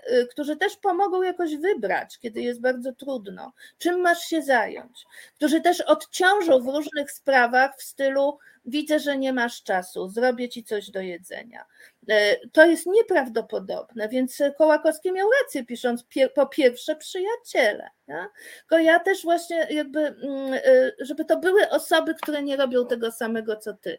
E, żebyś miała wolną głowę i mogła z nimi rozmawiać o absolutnej dupie maryny. To, to, jest, to jest naprawdę cudne, żeby to byli ludzie spoza tego świata. Nie?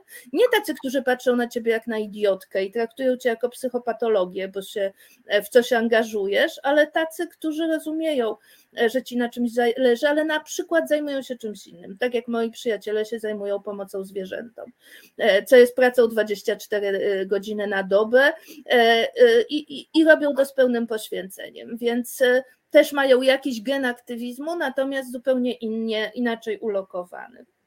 No i jakiś taki kawałek działalności, którą się robi zupełnie bezmyślnie, e, a nie jest durnym klikaniem, e, tak, czy, czy binge-watchingiem na Netflixie. U mnie to akurat jest to, co, po co się wyniosłam na wieś, czyli ogród, rośliny, czytanie o ogrodzie, jak nie można, planowanie ogrodu, robienie zakupów do ogrodu. tak, to jest, to jest szalenie wyluzowujące. E, teraz ja robię bardzo jakoś dużo różnych rzeczy. Biorę e, w tej chwili, e, zapisałam się na jakąś jogę świadomą traumy i będę sobie ją ćwiczyć. Jestem umówiona na warsztaty takie indywidualne, tylko na mnie celowane, z rolowania, w związku z czym no, nie jest z tą podleśną tak, tak źle. Natomiast rzeczywiście trzeba zdawać sobie sprawę, że Mm, jesteśmy szczególnie y, obciążonymi jednostkami w tym kraju, że jak ktoś ma do czynienia z policją i z sądami, to to jest traumatyzujące i nie ma bolca e, i że musimy o siebie dużo mocniej zadbać, bo, w, bo lecą choroby psychosomatyczne tak zwane, e, bo w układ odpornościowy wysiada, mm, bo w, no bo kurczę, jesteśmy bardzo cenne. Mm. I warto na to tak patrzeć. Każda z nas potrafi tak patrzeć na inną, trochę na siebie jest gorzej, dlatego też trzeba mieć te inne, które powiedzą, to teraz trzeba o ciebie zadbać, Junia. Hmm. Tak, to jest mega ważne i też piękne, co powiedziałaś e, o tych przyjaciołach, którzy po prostu są potrzebni i, e, i o tym, że aktywistka, aktywista, też człowiek i też potrzebuje po prostu ciepła, odpoczynku, zaopiekowania. Sami, sami same musimy się tego uczyć. Widać po kilku latach, ty, ty, ty, tych kilku latach na ulicy i po tych kilku latach działalności, wszystkie tak dostajemy y, w tyłek, brzydko mówiąc, że musimy się już same tego nauczyć. To jest faktycznie sytuacja na nas to wymusza.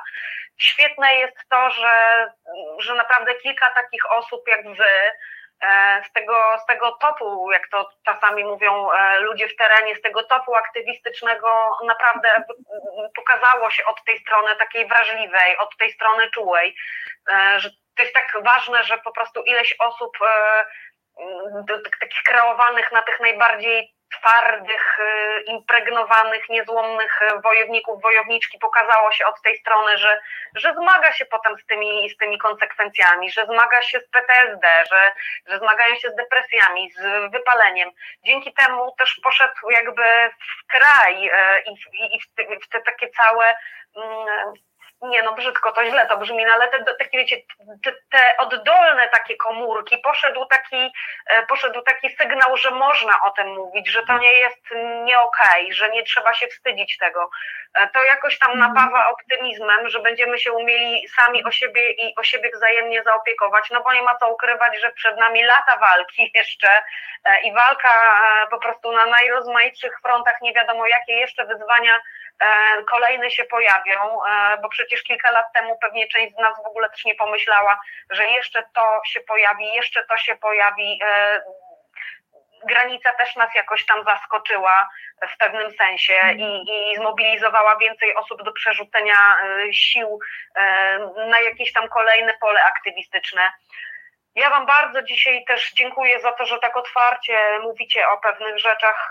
To nie jest łatwe i wymaga czasami więcej, myślę, odwagi nawet niż wyjście na ulicę. No bo, bo nie chcemy pokazać tej swojej słabości. No człowiek tak marzy, nie chce po prostu tych swoich bebechów całemu światu pokazać. Bardzo Wam dziękuję też za ten czas, za tą przestrzeń. Mam nadzieję, że się jeszcze zobaczymy, bo przecież polizałyśmy pewne tematy, a mogłybyśmy tak tutaj do, do ciemnej nocy rozmawiać i pewnie by nam się jeszcze, e, jeszcze to nie skończyło. E, czego bym Wam chciała życzyć? Chyba wszystkiego potrzebnego w takim naprawdę największym Mhm. skrócie. Siły, odpoczynku, tych naprawdę wspaniałych przyjaciół, I tego, żeby po prostu to, to, co w nas żywe, żeby to się nie wypalało, żeby to gdzieś tam zachować, e, zadbać o to, żeby ta, ta, ta, ta, ta iskra i ten, i ten płomień płonął po prostu dalej, bo, bo jesteśmy faktycznie potrzebni, potrzebne światu. No, takich jak wy nie może po prostu zabraknąć, absolutnie nie może, jesteście temu krajowi po prostu potrzebne. Dziękuję wam bardzo. Dzięki. Dzięki Dominika i wszystkiego dobrego również dla Ciebie. Mhm. Czułości i troski. Dokładnie. Radykalnej. Mhm. Tak. masę serca Wam wysyłam, miłość całą, ciepło, jakie w tej, w tej chwili mam na tych falach internetowych. Dzięki raz jeszcze i do zobaczenia, do usłyszenia. Mam nadzieję, że jeszcze kiedyś będziemy miały szansę porozmawiać w takim zestawieniu, być może gdzieś tam e, oddzielnie, ale na pewno będę chciała Was jeszcze do resetu tutaj e, zapraszać, bo, bo po prostu macie całe, całe niesamowite zaplecze historii, e, które jeszcze nie zostały być może gdzieś tam opowiedziane, a które coś, coś wniosą i coś też zmienią, bo e, odzew od naszych widzek, widzów jest e, po każdym programie naprawdę pokazującym takie mm, blaski cienie życia, życia osób aktywistycznych jest niesamowity i też chciałabym, żeby do Was to wsparcie od, od Resetarian wróciło. Dobrej Dziękuję. nocy. Dzięki serdeczne. Dobranoc. Reset Obywatelski.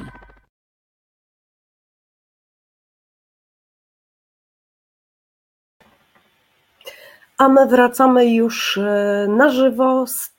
To jest wojna. E, Mamy gościnie już tutaj w naszej e, wirtualnej poczekalni.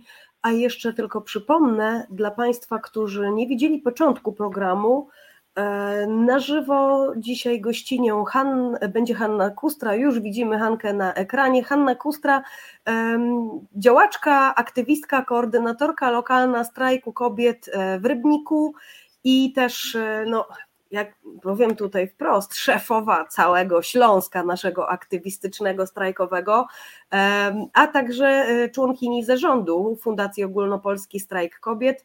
E, Kobieta, która się niczego nie boi e, i która chyba naprawdę, nie, nie wiem, 28 godzin ma w dobie, nie 24, na pewno więcej o co najmniej jedną niż ja ma w dobie tą godzinę. E, No i jakieś chyba potrójne czy poczwórne nawet duracele, e, nie powiem gdzie, ten motorek po prostu e, uchanki to jest znane już w całej Polsce. No i dzisiaj też w dwóch rolach, bo jakby reprezentantka tutaj Fundacji Ogólnopolski Strajk Kobiet, a jednocześnie jako reprezentantka Stowarzyszenia Fest Śląskiego właśnie. E, I Hania e, będzie dzisiaj nam mówić o tym, dlaczego trzeba pomóc e, rodzinie pani Agnieszki z Częstochowy, rodzinie pani Agnieszki, która jest kolejną ofiarą no, zakazu aborcji w Polsce. Po pani Izabeli z Pszczyny, chyba najgłośniejszy, najbardziej wz- wzbudzający najwięcej jakby emocji przypadek kolejny. Em, 25 stycznia pani Agnieszka od nas odeszła w szpitalu. Tutaj e, toczy się śledztwo dotyczące zarówno tego, e, czy zostały jakby prawa pacjentki tutaj pogwałcone, czy, czy były błędy w sztuce medycznej popełnione przez lekarzy. Jest zaangażowana w to prokuratura, pani Agnieszki rodzina jest objęta pomocą prawną, tutaj roztoczyła nad, nad tą rodziną skrzydła Federa. E, także pani, e, pani Wioleta Paciepnik, e, siostra rodzona, bliźniaczka pani Agnieszki, wypowiada się w mediach na temat całej tej sprawy na tyle, na ile oczywiście można, żeby też tego dobra śledztwa tutaj nie, nie naruszyć. No i świeżo odpalona zbiórka właśnie na, na rzecz tej rodziny E, co my o tej rodzinie wiemy i skąd w ogóle taki pomysł, żeby tą zbiórkę postawić i dlaczego Stowarzyszenie FEST to robi, a nie na przykład Ogólnopolski Strajk Kobiet. E, witam po pierwsze wszystkich serdecznie do tego pięknego wieczoru, e, troszeczkę cieplejszego i fajnego, więc może przytulnego, ale chodzi głównie o panią Agnieszkę i jej rodzinę, która bardzo ciężko ma teraz sytuację. Ze względu na to, że to jest rodzina też z Częstochowy, więc postanowiliśmy, że Śląski, powiem po prostu Śląskie Stowarzyszenie zajmie się pomocą też e, tej, tej rodzinie, temu mężowi, ze względu na to, że jesteśmy najbliżej z nimi tutaj, jest nam blisko do nich, więc móc, móc się z nimi kontaktować, na bieżąco móc ich wspierać w tych działaniach, które są na co dzień potrzebne. E, w szczególności, że to jest rodzina z dwójką małych dzieci, która jest z niepełnosprawnościami, mają autyzm, spektrum autyzmu które potrzebują tej terapii. Ojciec został teraz tak, tak naprawdę sam z tymi dziećmi. E, pomaga mu jego mama, czyli teściowa pani Agnieszki, e, córka starsza, która była z poprzedniego mm, małżeństwa pani Agnieszki, wyprowadziła się z domu do swojego chłopaka.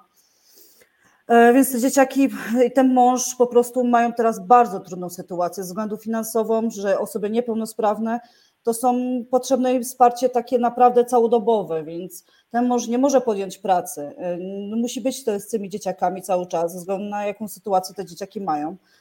Więc y, sytuacja, która też jest, że on nie może tutaj podjąć pracy, więc tracą tę płynność finansową, którą, która jest potrzebna.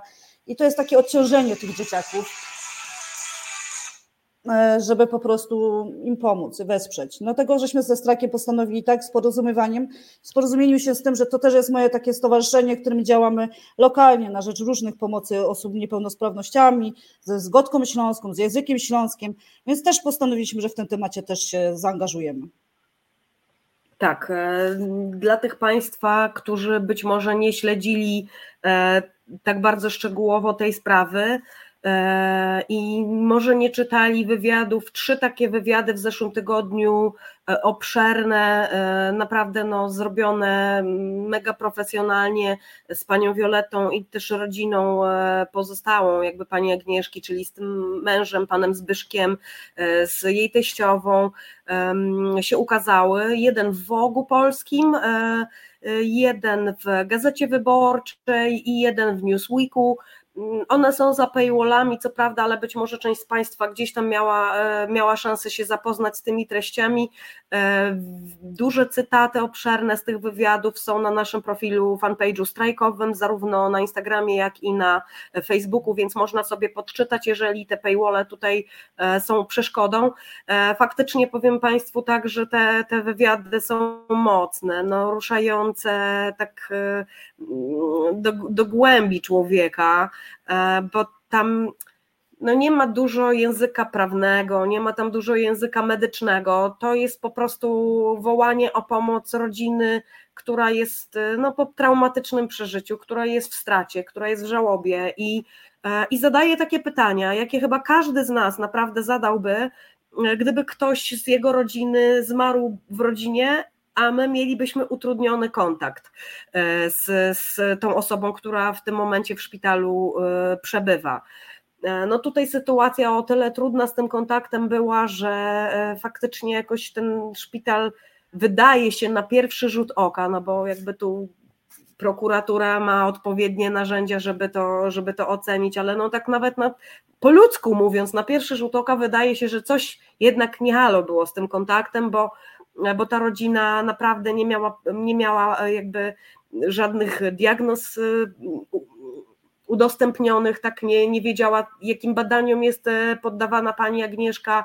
E, no nie wiadomo było, dlaczego raz jej się pogarsza, raz jej się poprawia, e, dlaczego jest przenoszona z oddziału do, do oddziału. No nie była informowana rodzina, że na przykład tuż przed samą śmiercią pani, pani Agnieszka zostanie przetransportowana ze specjalistycznego, dużego szpitala regionalnego, wojewódzkiego, do szpitala, który ma dużo niższą referencyjność y, w Blachowni, e, do takiego zwykłego po prostu małego szpitala, mówiąc wprost.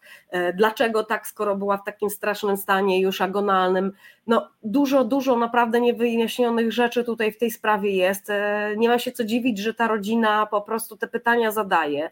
Już wiemy na pewno, że no, opiek, opiekująca się tutaj e, tą, tą rodziną prawniczka z Federy, e, no widzi dużo, dużo tutaj jakby rzeczy, które trzeba na pewno wyjaśnić, e, bo zostaniemy my wszyscy tutaj w Polsce po prostu z taką z takim przekonaniem, że nie można iść do szpitala, bo nie wiadomo, co tam się wydarzy, bo zdarza się, że człowiek idzie do tego szpitala po pomoc, a wychodzi po prostu stamtąd martwy i, e, i, i bez żadnej informacji zostaje rodzina i coś jest naprawdę grubo na rzeczy. Ten strach w nas wszystkich jest, zwłaszcza w kobietach, które w tym momencie są e, w ciążach, te ciąże są z jakimiś problemami i po prostu pojawia się to widmo, że trzeba iść do szpitala. No i nagle w głowie są te wszystkie przypadki, które w ostatnich miesiącach miały miejsce, i pojawia się ten strach, i pojawia się ten brak zaufania dla lekarzy. Pewnie dla wszystkich byłoby najlepiej, żeby ta sprawa została wyjaśniona, wyczyszczona i, i, i żeby naprawdę nie było tutaj nic zamiecione pod dywan, bo to już nie tylko chodzi o tą jedną rodzinę, tylko po prostu o wszystkie rodziny, wszystkich Polek, które w tym momencie są w takiej sytuacji, prawda? Tak, bo to jest najważniejsze, że teraz coraz bardziej się boją chodzić do szpitali w tej sytuacji, e, która jest nie dość, że jest COVID, e, która jest jeszcze bardziej utrudniona opieka medyczna, to jeszcze dodatkowo mamy tak naprawdę te zagrożenie, które widzą, co się stało z panią Agnieszką, e, co mieliśmy w Cieszynie sytuację, więc te sytuacje będą się powtarzać, a naprawdę to są takie głośne sytuacje, bo ktoś z rodziny odważył się o tym głośno mówić i szukał pomocy, wsparcia, a jest bardzo wiele może być takich osób, które po prostu nie wiedzą, gdzie osiągać takiej informacji, co mogą zrobić w takiej sytuacji, że mogło tych przypadków być naprawdę dużo więcej, o których my nie wiemy w tym momencie. Więc naszą rolą jest to, żeby głośno o tym mówić, e, żeby lekarze przestali się bać e, e, tej całej ustawy, która zakazuje aborcji, która lekarze powinni ratować życie. Mimo to ta kobieta mogła, może żyć, tak? Tak ten mąż stracił nie tylko żonę, ale stracił także dwójkę dzieci. Więc dla niego to jest też to jeszcze bardziej traumatyczne. Więc to jest, nie chciałabym być w skórze tych ludzi, tej rodziny, tej traumy, która przechodziła, żeby zdobyć jakiekolwiek informacje. Ten mąż nie był dopuszczany do żadnych informacji. On nawet, z tego co wiemy, ten nawet na początku nawet nie był wpuszczany do szpitala, żeby mógł cokolwiek zobaczyć swoją żonę. Więc e, gdyby nie siostra pani e, Agnieszki, no to kurczę, no ten mąż by nawet nie wiedział, w jakim stanie jest ta żona. Tak, to tutaj też taka jest dosyć istotna, e, istotna informacja, że gdyby nie e, ta pani Wioleta, siostra, e, bliźniaczka pani Agnieszki, no to być może pan Zbyszek po prostu by zawierzył lekarzom w te komunikaty, które dostawał, że są jakieś tam badania robione, że jeszcze będą to testować, to testować. Te komunikaty takie dosyć, dosyć skąpe, ogólnikowe, lakoniczne, trochę takie na wyciszenie, pan się nie denerwuje, wszystko będzie dobrze no wiadomo, człowiek, który nagle został z dwójką dzieci wymagających e, opieki, no zdecydowanie większego zaangażowania niż, niż dzieci, które e, nie mają spektrum autyzmu na przykład. Mężczyzna, który do tej pory zajmował się głównie tym, że, e, że po prostu pracował i przynosił pieniądze do domu. Pracował na cały etat. Wiemy, że miał naprawdę taką historię zatrudnienia E, idealną wręcz, 12 lat u tego samego, u tego samego pracodawcy. Pracodawcy, który w tej trudnej sytuacji też e, no, bijemy pokłony, bo zachował się naprawdę mega przyzwoicie i po prostu e, pan Zbyszek od momentu, kiedy, kiedy żona poszła do szpitala, miał wolne, żeby mógł się zająć rodziną. no ale już wiadomo jakby, że tak na dłuższą metę się nie da, bo tutaj wszystko, wszystko temu, temu ojcu zwaliło się na głowę, tak? Bo z jednej strony, no wiadomo, e, strach o tą płynność finansową, kiedyś do tej pracy trzeba, trzeba wrócić i trzeba zarabiać na byt. E, dla rodziny. E, tutaj żona w szpitalu, dwoje dzieci wymagających opieki po prostu non-stop e, i mega zaangażowania i, i takich dzieci, których nie można też byle pierwszej osobie chętnej do, do, do pomocy powierzyć pod opiekę z takiej przyczyny, że one po prostu potrzebują mieć potrzebują być pod opieką osoby, którą dobrze znają, która nie wywoła jakiegoś szoku. Nie, nie może to być po prostu osoba, którą z którą te dzieci wcześniej nie miały do czynienia gdzieś tam, która nie jest im dobrze znana, przy której one nie czują się bezpiecznie.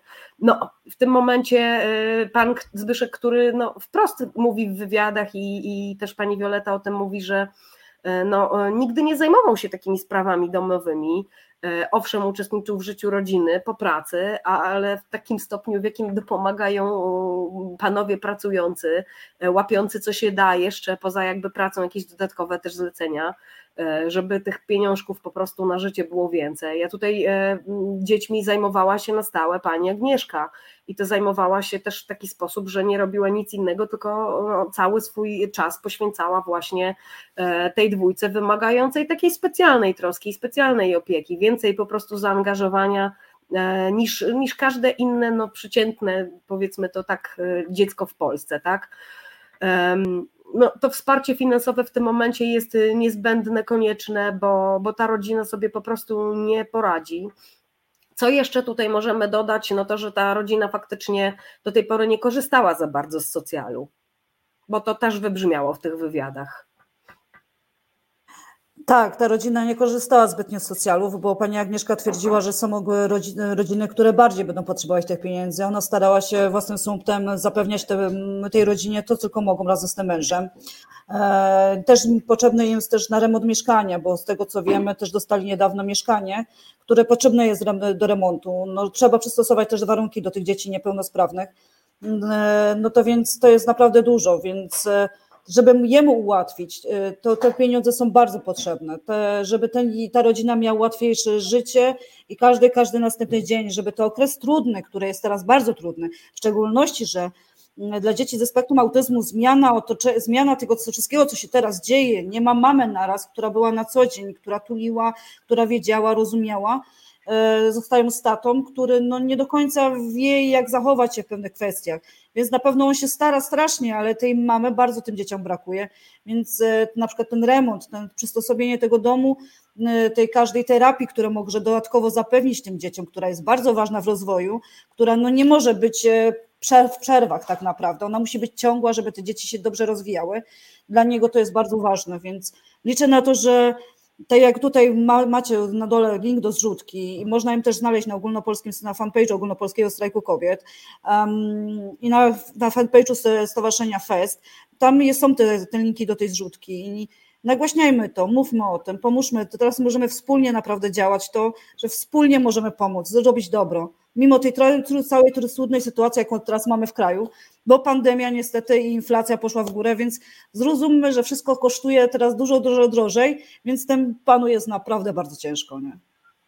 Tak. E, w momencie, kiedy jakby tutaj te inne organizacje zajmujące się też aborcją e, no, toczą bój e, z medykami, ze środowiskiem medycznym, no bo jakby śmierć pani Agnieszki to już dla, dla wielu była po prostu ta kropla, która przelała czarę goryczy i pojawiły się jakieś pytania właśnie w stosunku do, do, do środowiska medycznego, czy tam na pewno wszystko było tak, jak powinno być. No pojawiło się mnóstwo zarzutów jest ta dyskusja bardzo gorąca. No tutaj w zeszłym tygodniu też moją gościnią była Natalia Broniarczyk z aborcyjnego Dream Teamu, więc jest ta część jakby środowiska, która w tym momencie skupia się na tym, żeby jakby te kolejne przypadki wywołały dyskusję taką szerszą społeczną na temat, nie wiem, no chociażby patriarchatów ginekologii, tak, no, przemocy, nie, mów, nie, nie bójmy się tego słowa, przemocy takiej ginekologiczno-położniczej, e, przemocy ogólnie dotyczącej kobiet, e, kobiet jako pacjentek w szpitalach, na różnych oddziałach, więc no tutaj jakby jest ta część organizacji aktywistycznych, które się skoncentrowały teraz na tym, żeby ten temat nie został zamieciony pod, pod dywan, żeby wybrzmiała po prostu tutaj teraz taka poważna dyskusja na temat zależności między środowiskiem medycznym, aborcją, prawami pacjentek, gdzie tutaj jeszcze włączają się prawnicy w tym momencie, którzy się specjalizują w tych właśnie prawach pacjenta. To jest mega ważne, natomiast widzę, że strajk tutaj zdecydowanie skupił się na tym, żeby zaopiekować tą rodzinę. Tak, bo to jest też ważne, bo są naprawdę, jest grupa, tak jak Federa działa prawnie i chce bardzo pomóc. My też pomogliśmy psychologicznie, e, więc e, chcemy też się skupić na tym, żeby to było całościowo, więc dopełniamy się, wspólnie działamy, e, porozumiewamy razem z Federą ale chcemy, żeby po prostu, żeby to była pomoc całościowa.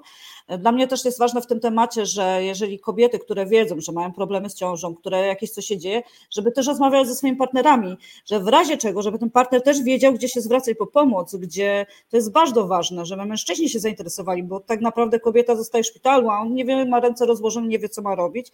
No i też ważne, żeby właśnie oni się interesowali, szukali tych informacji, wiedzieli, gdzie mogą, gdzie mogą do prawników, że można do Federy dzwonić w takich sytuacjach, że jest pomoc wtedy zrobiona. No, pan Zbyszek takich rzeczy nie miał informacji, nie wiedział w ogóle nic. No więc gdyby nie siostra, no to może by temat był pod dywanem, całkowicie tak jak mówiłaś.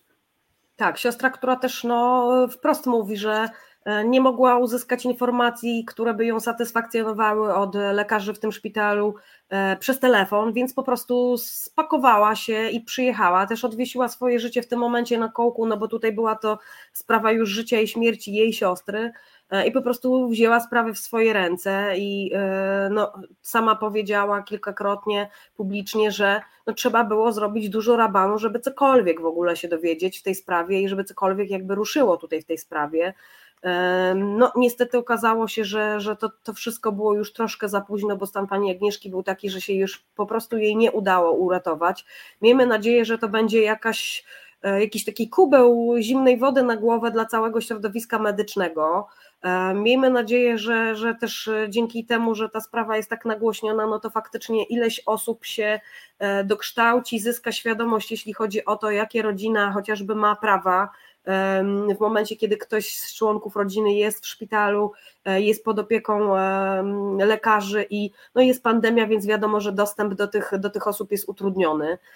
Tutaj myślę, że dowiemy się prędzej czy później, czy, czy, czy, czy wszystko można usprawiedliwić pandemią,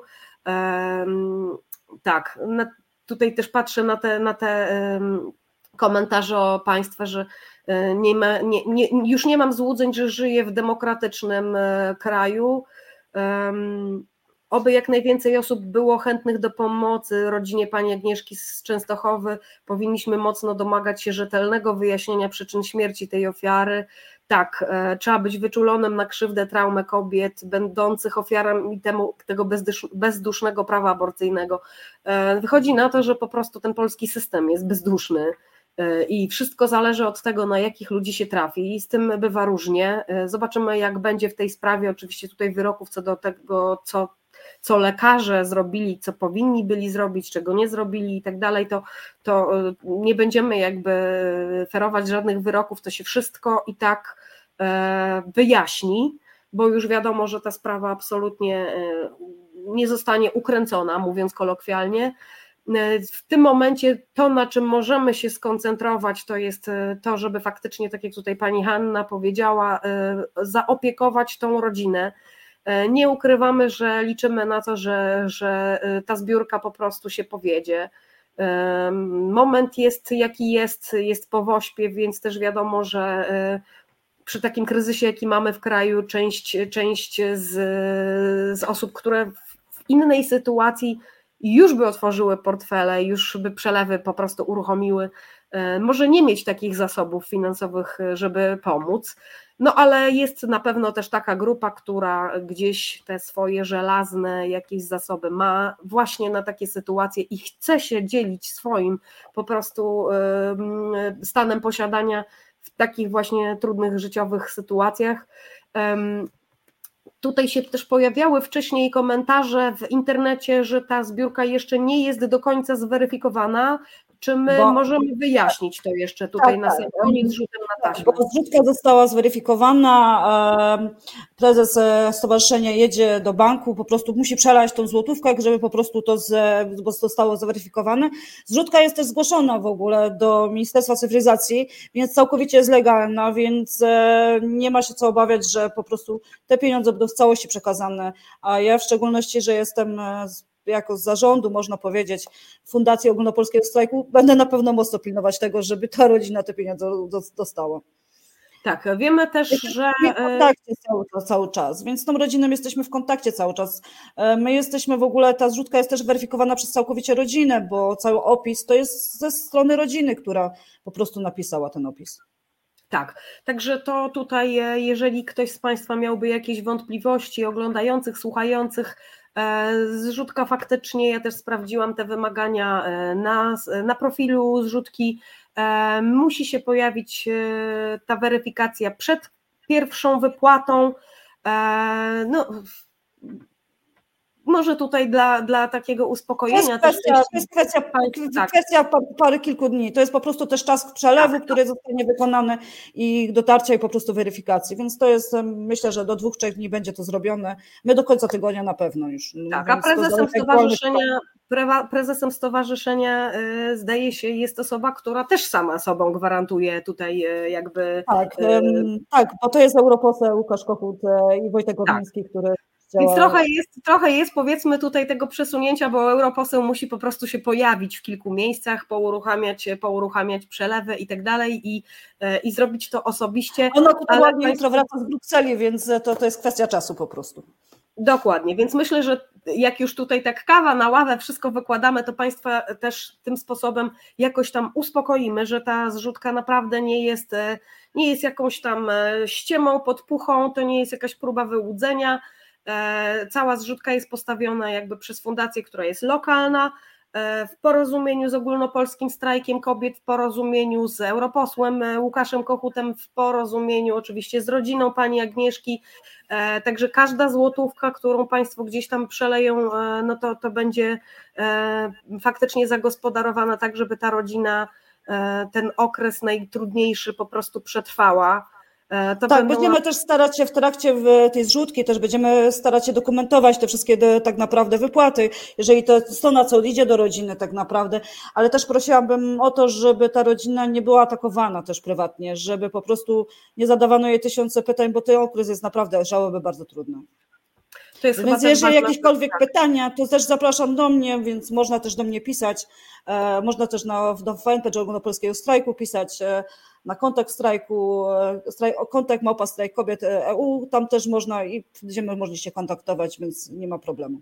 Tak, Jestem trochę tak, trochę tak się jakoś wydarzyło, że e, ta, ta rodzina faktycznie miała na początku zaufanie największe do strajku.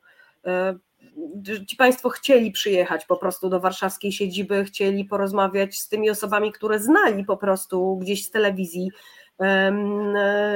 Przyjechali do, do, do, do Warszawy, otworzyli się, poczuli, że tutaj jest to wsparcie, jest Federa, jest OSK i, e, i no też trochę tak chyba z tego to tak wyszło, że, że wyście taką akurat postawę przyjęły tutaj jako zarząd, a nie inną, że za- zaopiekować się na ten moment rodziną, nie wdawać się w jakieś tam spory, polemiki w tym momencie, bo jest ktoś inny, kto tą działkę doskonale ogarnia, a tutaj trzeba po prostu zająć się tymi osobami, które są w ewidentnym e, kryzysie. E, Bardzo dziękuję Haniu Ci za to, że tutaj dzisiaj z nami jesteś i jakby swoją też osobą e, uwiarygadniasz całą tą akcję. E, Trzymamy kciuki, żeby tych pieniążków e, było jak najwięcej i w zasadzie tutaj, e, może już nie wyłączając Ciebie, Hanno, bo to wiadomo, zostajemy w naszym strajkowym w tym momencie tutaj gronie. W programie To jest wojna, tylko chciałam jeszcze na koniec Państwu powiedzieć, że dzieje się w sprawie Lex Czarnek. Jeśli ktoś z Państwa oglądających nas w tym momencie, słuchających, ma taką wolę, to w niedzielę będziemy tańczyć e, poloneza sprzeciwu pod Pałacem Mhm. Prezydenckim o godzinie 18 e, razem z inicjatywą Wolna Szkoła. Więc jeżeli e, no, są Państwo równie jak my tutaj obecne, zbulwersowani tym, że zostało to Lex Czarnek, po prostu mówiąc brzydko, kolokwialnie, przepchnięte przez Sejm w ostatniej chwili, jak to pisma w zwyczaju, dodane do, dodane do programu obrad Sejmu, e, przepchnięte maksymalnie szybko, skutecznie, uciszając w zasadzie tutaj e, wszelkie głosy opozycji. 233 do 220, więc naprawdę jak zwykle kilka głosów podkupionych, przekupionych, czymś tam przyobiecanych E, zaważyło na tym, że po prostu w tym momencie nasze dzieci będą miały pranie mózgów robione w, w szkołach e, i że, i że ta szkoła już absolutnie demokratyczna nie będzie, tylko zbliżamy się tuż do modelu chińskiego czy koreańskiego. Jeśli to Państwu naprawdę leży na sumieniu, no to ja zapraszam w imieniu strajku i w imieniu całej wolnej szkoły, czyli tego całego konglomeratu ponad, ponad 100 organizacji społecznych. E, przyjdźcie zatańczyć poloneza sprzeciwu. Niedziela 13 lutego, dzień przed walentynkami, e, godzina 18. E, pokażmy panu prezydentowi Dudzie, żeby naprawdę tutaj e, wetował. E, no chyba musi poczuć to po prostu, że, że trzeba wetować. Zróbmy tam hałas, pokażmy, że nas jest siła i, i jest szansa wtedy, że, że faktycznie jeszcze tutaj pan z długopisem się zastanowi, co trzeba zrobić. Wetujmy, wetujmy, proszę Państwa. I ostatnia informacja z tego gatunku podnoszących morale E, nie wiem, czy wszyscy Państwo e, śledzili ostatnie doniesienia, jeśli chodzi o projekt, o tym się nie mówi. E, na samym początku pierwszy program styczniowy tutaj był właśnie o tej inicjatywie. 100 tysięcy pykło w zbiórce, także dzięki Państwu, bo przecież wiemy, że ta zbiórka bardzo ruszała po emisjach programów w resecie. Film ma być gotowy e, na koniec kwietnia, więc czekamy już naprawdę wszyscy w napięciu, co tam, e, co tam e, zostanie pokazane. To piekło kobiet po pseudowyroku e, Trybunału Przyłębskiej z 2020 roku. E, naprawdę duży, duży projekt, taki e, zarówno jeśli chodzi o kampanię społeczną, jak i o ten, o ten sam film dokumentalny, który po prostu będzie mocny. Już to wiadomo, że będzie mocny po tych zajawkach, które były wyprodukowane zanim zbiórka ruszyła. Także jedno co dobre, w tym polskim narodzie, to że jak naprawdę się pali, to, to potrafimy się zebrać w kupę i naprawdę i te portfele potrafimy otworzyć i, i sobie od ust odjąć i gdzieś na ten szczytny cel dać. Miejmy nadzieję, że tak samo tutaj szybko pójdzie z tą zbiórką e, na rzecz rodziny pani Agnieszki. Tam jest ustalone, e, popraw Michaniu, jeśli się mylę, 50 tysięcy. Tak, aktualnie tak. już jest zebrane 6293, to było 12%, jeszcze niedawno sprawdzałam, ale no liczę na to i wiem, bo już e, nieraz aktualnie coś e, robię w związku z zbiórkami, e, że ludzie mają siłę i jednak potrafimy się jednoczyć, jeżeli komuś się dzieje krzywda, więc liczę na to, że tym razem tak samo się zjednoczymy. No tej, tej rodzinie naprawdę trzeba pomóc. Tu chyba nikt nie ma wątpliwości, że niezależnie od tego, czy jakby te błędy zostały popełnione w tym szpitalu, czy to chodzi o tą aborcję, tak jak niektórzy mówią, że nie, to w ogóle nie jest ten przypadek, żeby to brać na sztandary aborcyjne. Niezależnie jakie będą wyniki tego śledztwa, wiadomo jedno, że tej rodzinie absolutnie trzeba w kryzysie pomóc i zrobimy wszystko, żeby ta rodzina naprawdę jakoś no, miała odrobinę chociaż lżej po prostu w tym trudnym okresie. Bardzo serdecznie dzisiaj Państwu dziękuję za uwagę, e, dziękuję za to, że wysłuchaliście rozmowy z Elżbietą, z Anną i z Joasią i dziękuję za to, że doczekaliście do tego live'a tutaj z Hanną. Widzimy się za tydzień, za tydzień będzie bardzo tęczowo, to od razu mogę Państwu powiedzieć, same tęczowe tematy przez dwie godziny, też znakomite gościnie e, już czekają w pogotowiu.